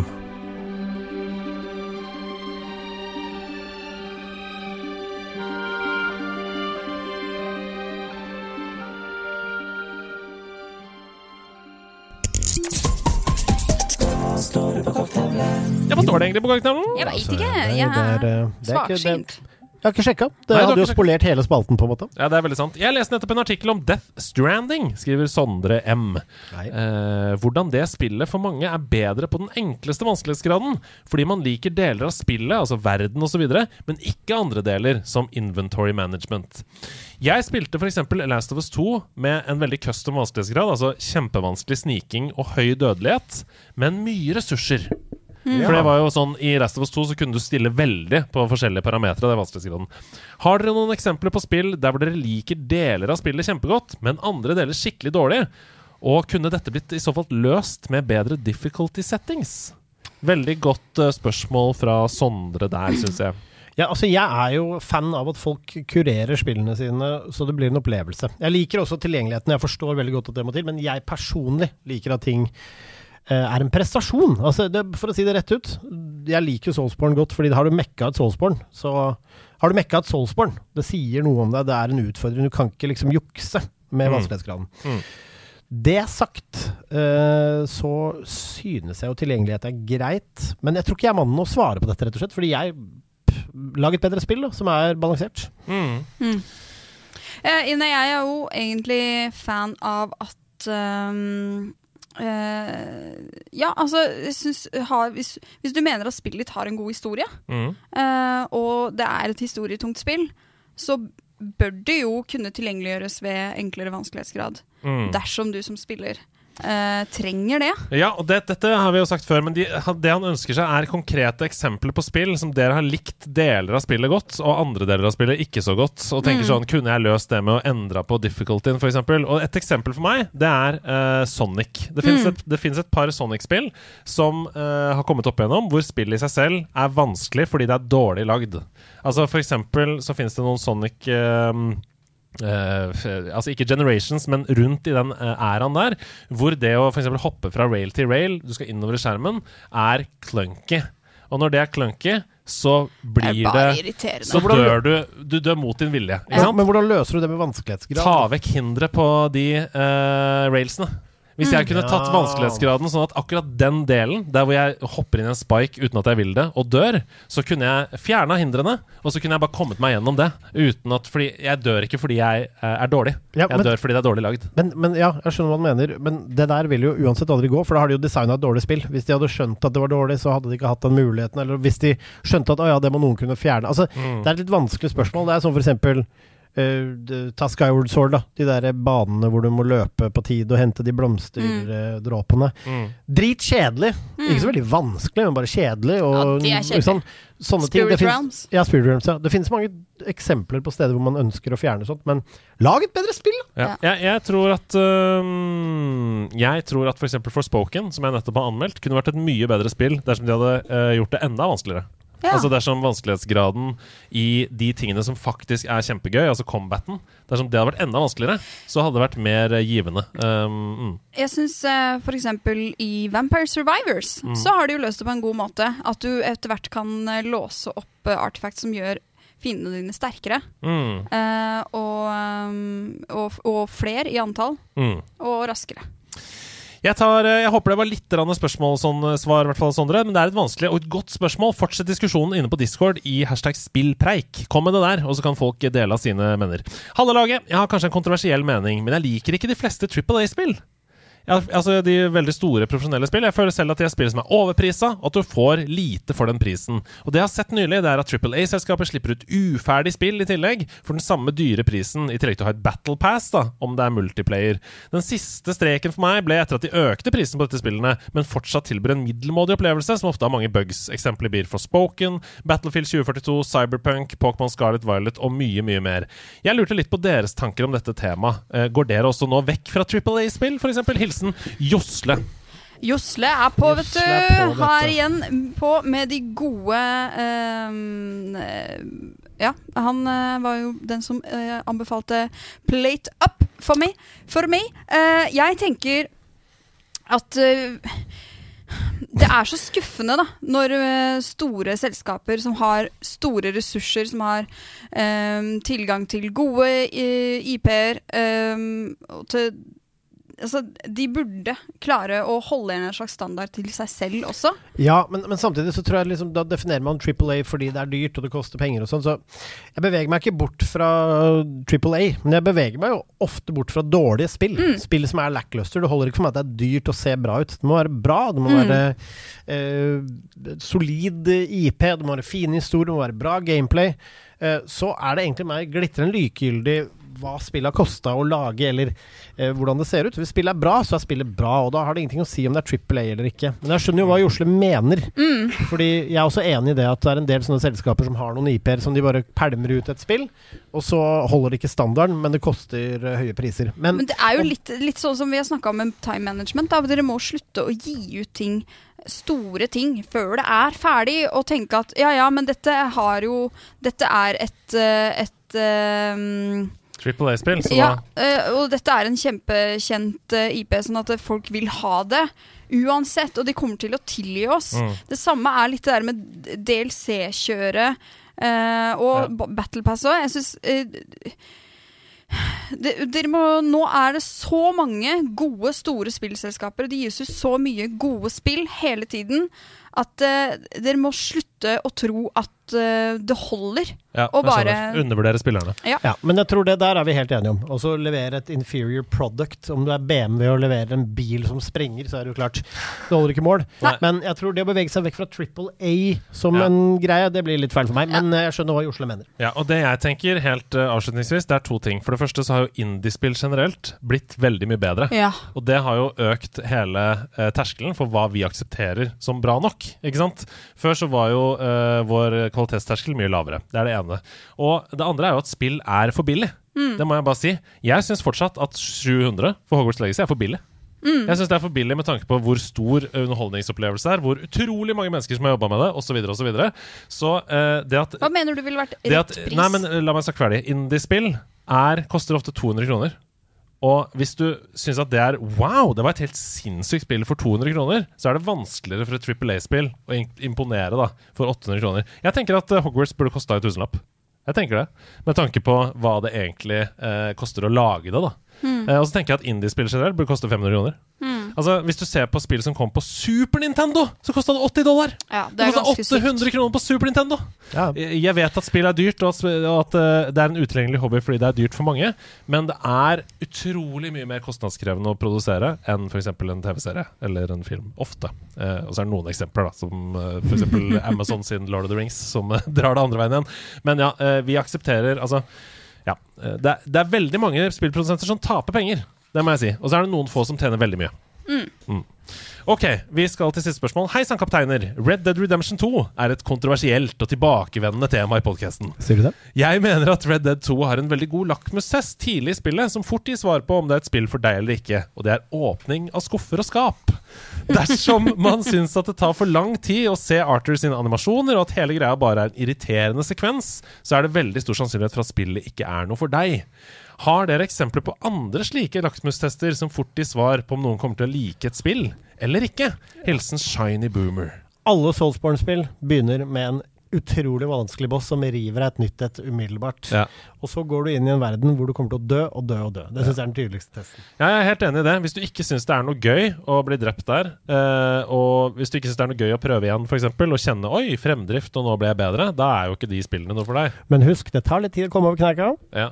Men det gjør det også med Red Dead 2, da. At uh, Det kan jeg si deg med en gang. Å åpne skuffer og skap i Red Dead Redemption er helt poengløst. Fordi idet du får Schofield revolver etter første bankranet, så har du mer enn nok penger og mer enn nok våpen til å runde hele spillet uten noe som helst problem. Så Red Dead Redemption 2 en av verdens dårligste. Ok, Ida. Um, Andre spilleksempler som du for tidlig Ja, altså jeg tenker f.eks. for eksempel i Zelda, da. Mm. Uh, hvis du kommer til første dungeon eller puzzle, og du kjenner at uh, jeg skjønner ingenting, jeg er ikke interessert, jeg er ikke nysgjerrig. Mm, jeg vil I- google med en gang, Ja, hvis du vil google med en gang, da er det bare drit i det. Jeg tenker også veldig sånn klassiske arkadespill, sånn som Tetris, da, for Ja. din skyld. Det er liksom sånn, du, du vet det etter fem minutter, hvis du har lyst til å prøve igjen. Hvis Mm. du ikke har lyst til å prøve igjen da, så er det jo ikke, da Mm. liker du ikke den typen spill. Eh, jeg prøver å finne noen er eksempler fra mitt eget eh, spilliv i det siste. Jeg tenker sånn I Overcooked og sånne type arcade-baserte spill, så er det jo Det tar så kort tid, da. Kjenner du at det at det, det er, kan potensielt være fort over? Gir det deg sjansen til Eller litt sånn Hvis du vekker den der 'Å, en gang til', bare en gang til, da er det spot on. Hvis ikke du får den, så er det kanskje ikke Hvis du liker å gjøre plikter hjemme, og ikke når du skal slappe av og kose deg, så kan det være et tegn om. Jeg kan også si til slutt da, at hvis du f.eks. aldri har kommet inn i Pokémon, og tenker sånn ah, 'Det var så hype da jeg var barn, og alle likte det', og sånn. Pokémon Scarlet og Violet er ikke noe annerledes enn det Mm. første Pokémon-spillet. Alle sier sånn 'ja, det er åpen verden' og sånn. Det er de samme mekanikkene. Mm. Du skal gå og finne Pokémon, du skal inn i battles og sånn. Hvis du ikke likte det da, så, har, så liker du ikke noe heller. Det er en lakmustest. Ja, det er det. Den første gangen du fanger en Pokémon, hvis det gir deg en sånn 'Å, nå skal jeg finne ut av hva den Pokémon har', Men du er kan, ha bra. hatt, du kan ha hatt utvikling, og så vet du kanskje det er, kanskje det er noe for deg nå. Ja, kanskje det er resultatet. Eh, Personlig vekst. Men det jeg lurer på, hvor får man tak i lakmuspapir? Det kan være lakmustest på om lakmuspapiret har utspilt sin rett som begrep. Er det lakmustest på den der dual eh, sense edge-kontrolleren? Eh, nei, det er det ikke. Så det er ikke verdt eh, prisen. バラバラに思いつくんですよ Ja, ja, ja, ja, ja, ja, ja, ja, ja, ja, det er Kojima-koden nok en gang. Det er en spalte som dere har krevd at skal fortsette. Den skal aldri dø.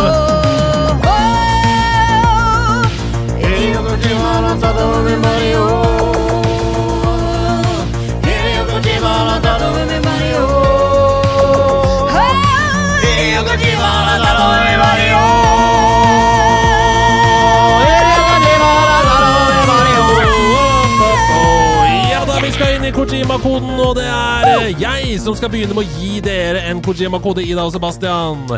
Dere må finne ut av hva det er som skjuler seg inni denne rebusen. Hvilket spill er det vi skal fram til? Når jeg begynner å snakke på denne måten. Oi. Vi hadde så store forventninger, vi. For 21 år etter var det endelig tid til å følge opp Froskens enorme suksess. Men spillet vi fikk, var det nesten ingen som likte. Flott avslutningsrim. Vi hadde så store forventninger, vi. For 21 år etter så var det endelig tid til å følge opp Froskens enorme suksess. Men spillet vi fikk, det var det nesten ingen som likte. Skal vi Frosker. se Frosk. Er det Frogger? Uh, ja, eller Battletoads. Ja. Ja, eller har det ikke noe med spilltittelen å gjøre, da? Um, Dette er jo Froskens enorme suksess. The eh, Great Success of Frog. Frogger. Eh, nei. Um, Vi hadde store forventninger.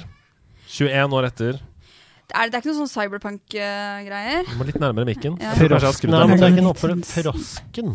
Mm. Det må være en frosk. Jump King. Jump Man. Jump. Ja. Jump Night. Jumping Flash. Dere svarer Jump King på første ledd. Ja. Det er helt feil. Ja. Vi trodde at det skulle være like gøy å kle på seg verktøy og helt hvitt tøy. Men noe av sjarmen var borte vekk.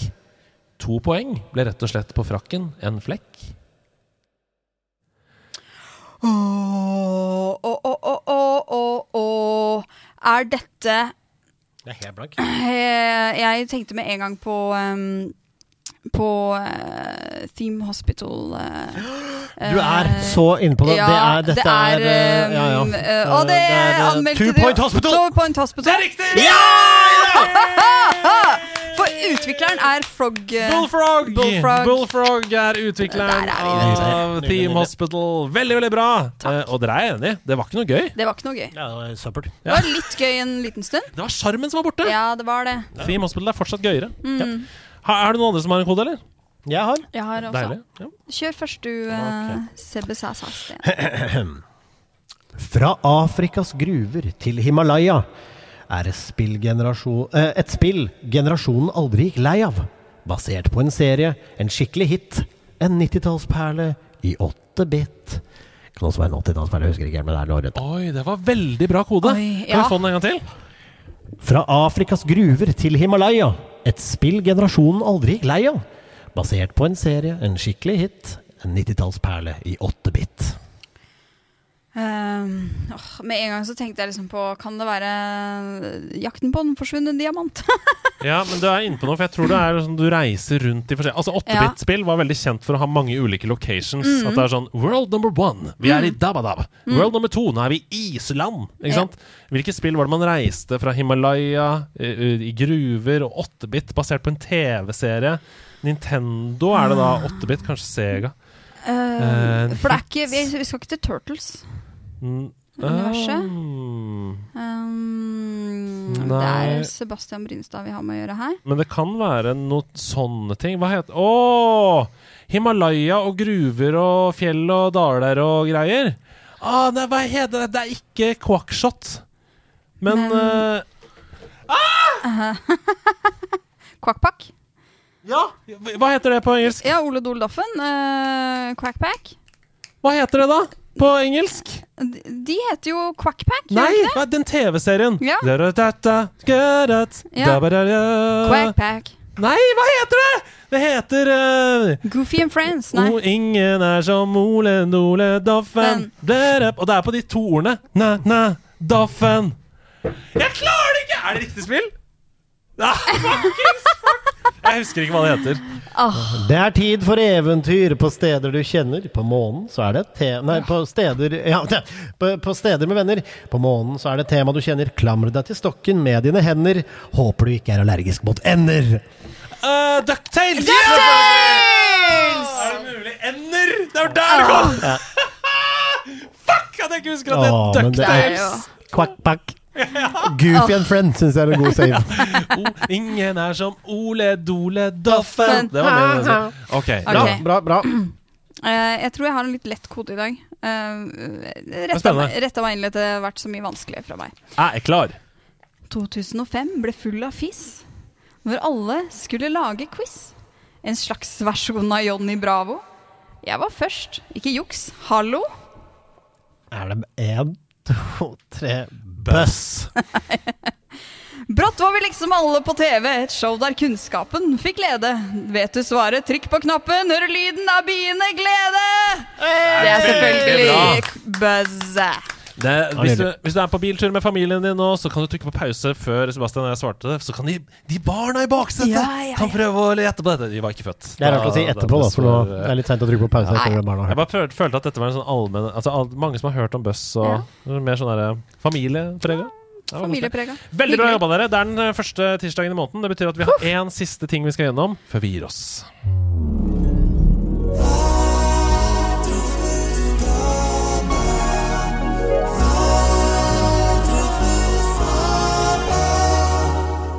Det er troféskapet, denne hyllesten som vi leser opp til en følelse, til et spill eller to, til noe. Og um, den siste tiden så har vi begynt å liksom ta inn deres innsendte troféskap. Vi har jo holdt på med dette siden 2019 nå. Det er en lang, lang lang liste med folk som har sendt inn til oss. Og vi, vi blander litt inn i miksen en gang iblant. Og her kommer det nok et innsendt troféskap, og det er fra Halvor. Så det er bare å lene seg tilbake og høre hva Halvor har å si, eh, og hva han har lyst til å putte inn i både, både vårt og sitt eget troféskap. Er dere klare for det? Her kommer det. Kjære nerdelandslaget. Jeg vet ikke hva jeg skal kalle dette. Ukas eh, spilløyeblikk blir muligens for knapt, men livets spilløyeblikk blir kanskje litt i meste laget.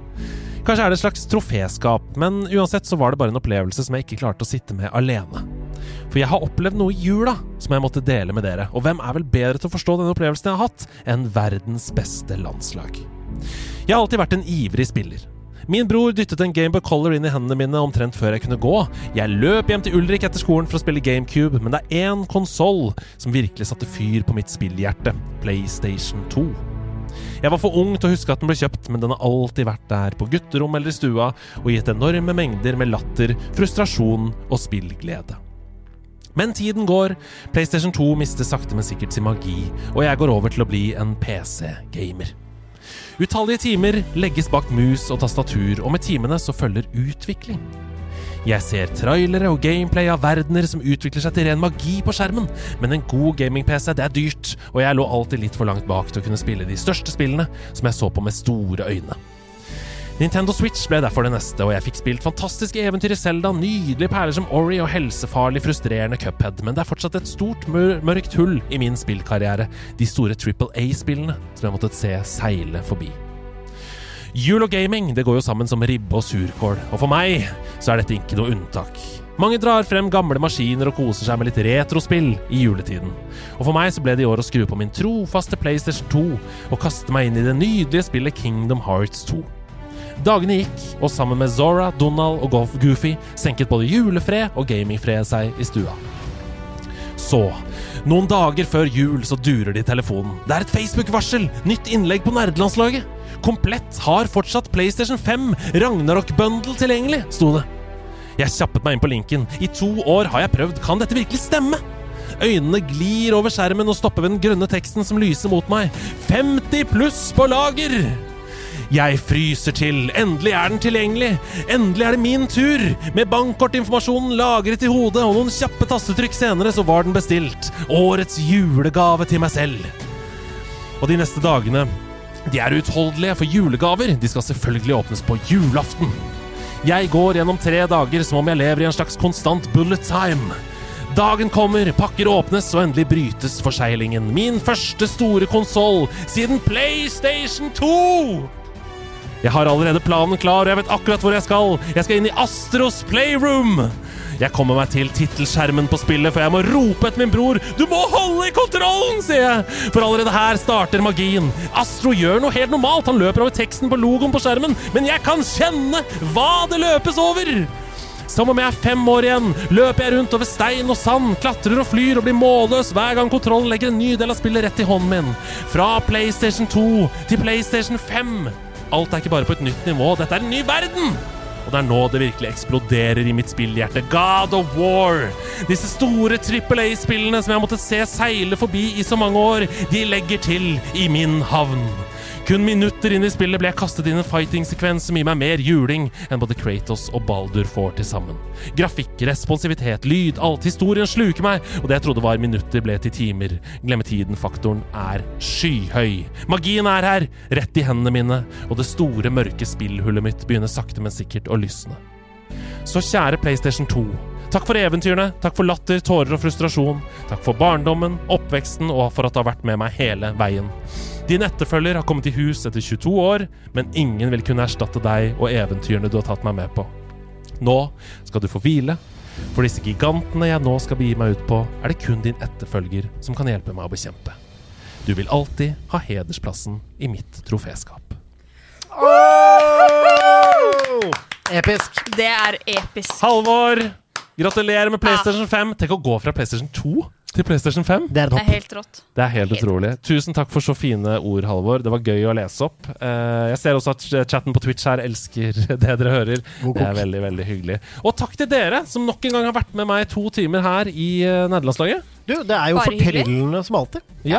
Det Håper er de dere- beste timene i uka. Ja, så bra, da. Jeg håper dere fortsetter å ha det bra neste uke også. Så må du spille eh, Danger Nei, hva er det det heter? Warning de Death Danger Eh, Det er Wanted Ja, Dead. Wanted the Dead. Ja, ja, ja. spillet. Og så må de der hjemme huske å gå inn og Discord og bli med på laget Ja. der. Og så må dere gå inn på nerdelandslaget.no. Der er det merch. Det er det. Tusen takk for at dere følger oss på Twitch og overalt. Eh, over 100 stykker som har sittet og sett på denne tirsdags formiddagen. Det er vi veldig veldig glad for. Eh, vi høres igjen neste uke. Da kommer det en ny gjest. Det blir spennende. Eh, ha det bra, alle sammen! Ha det! Ha det!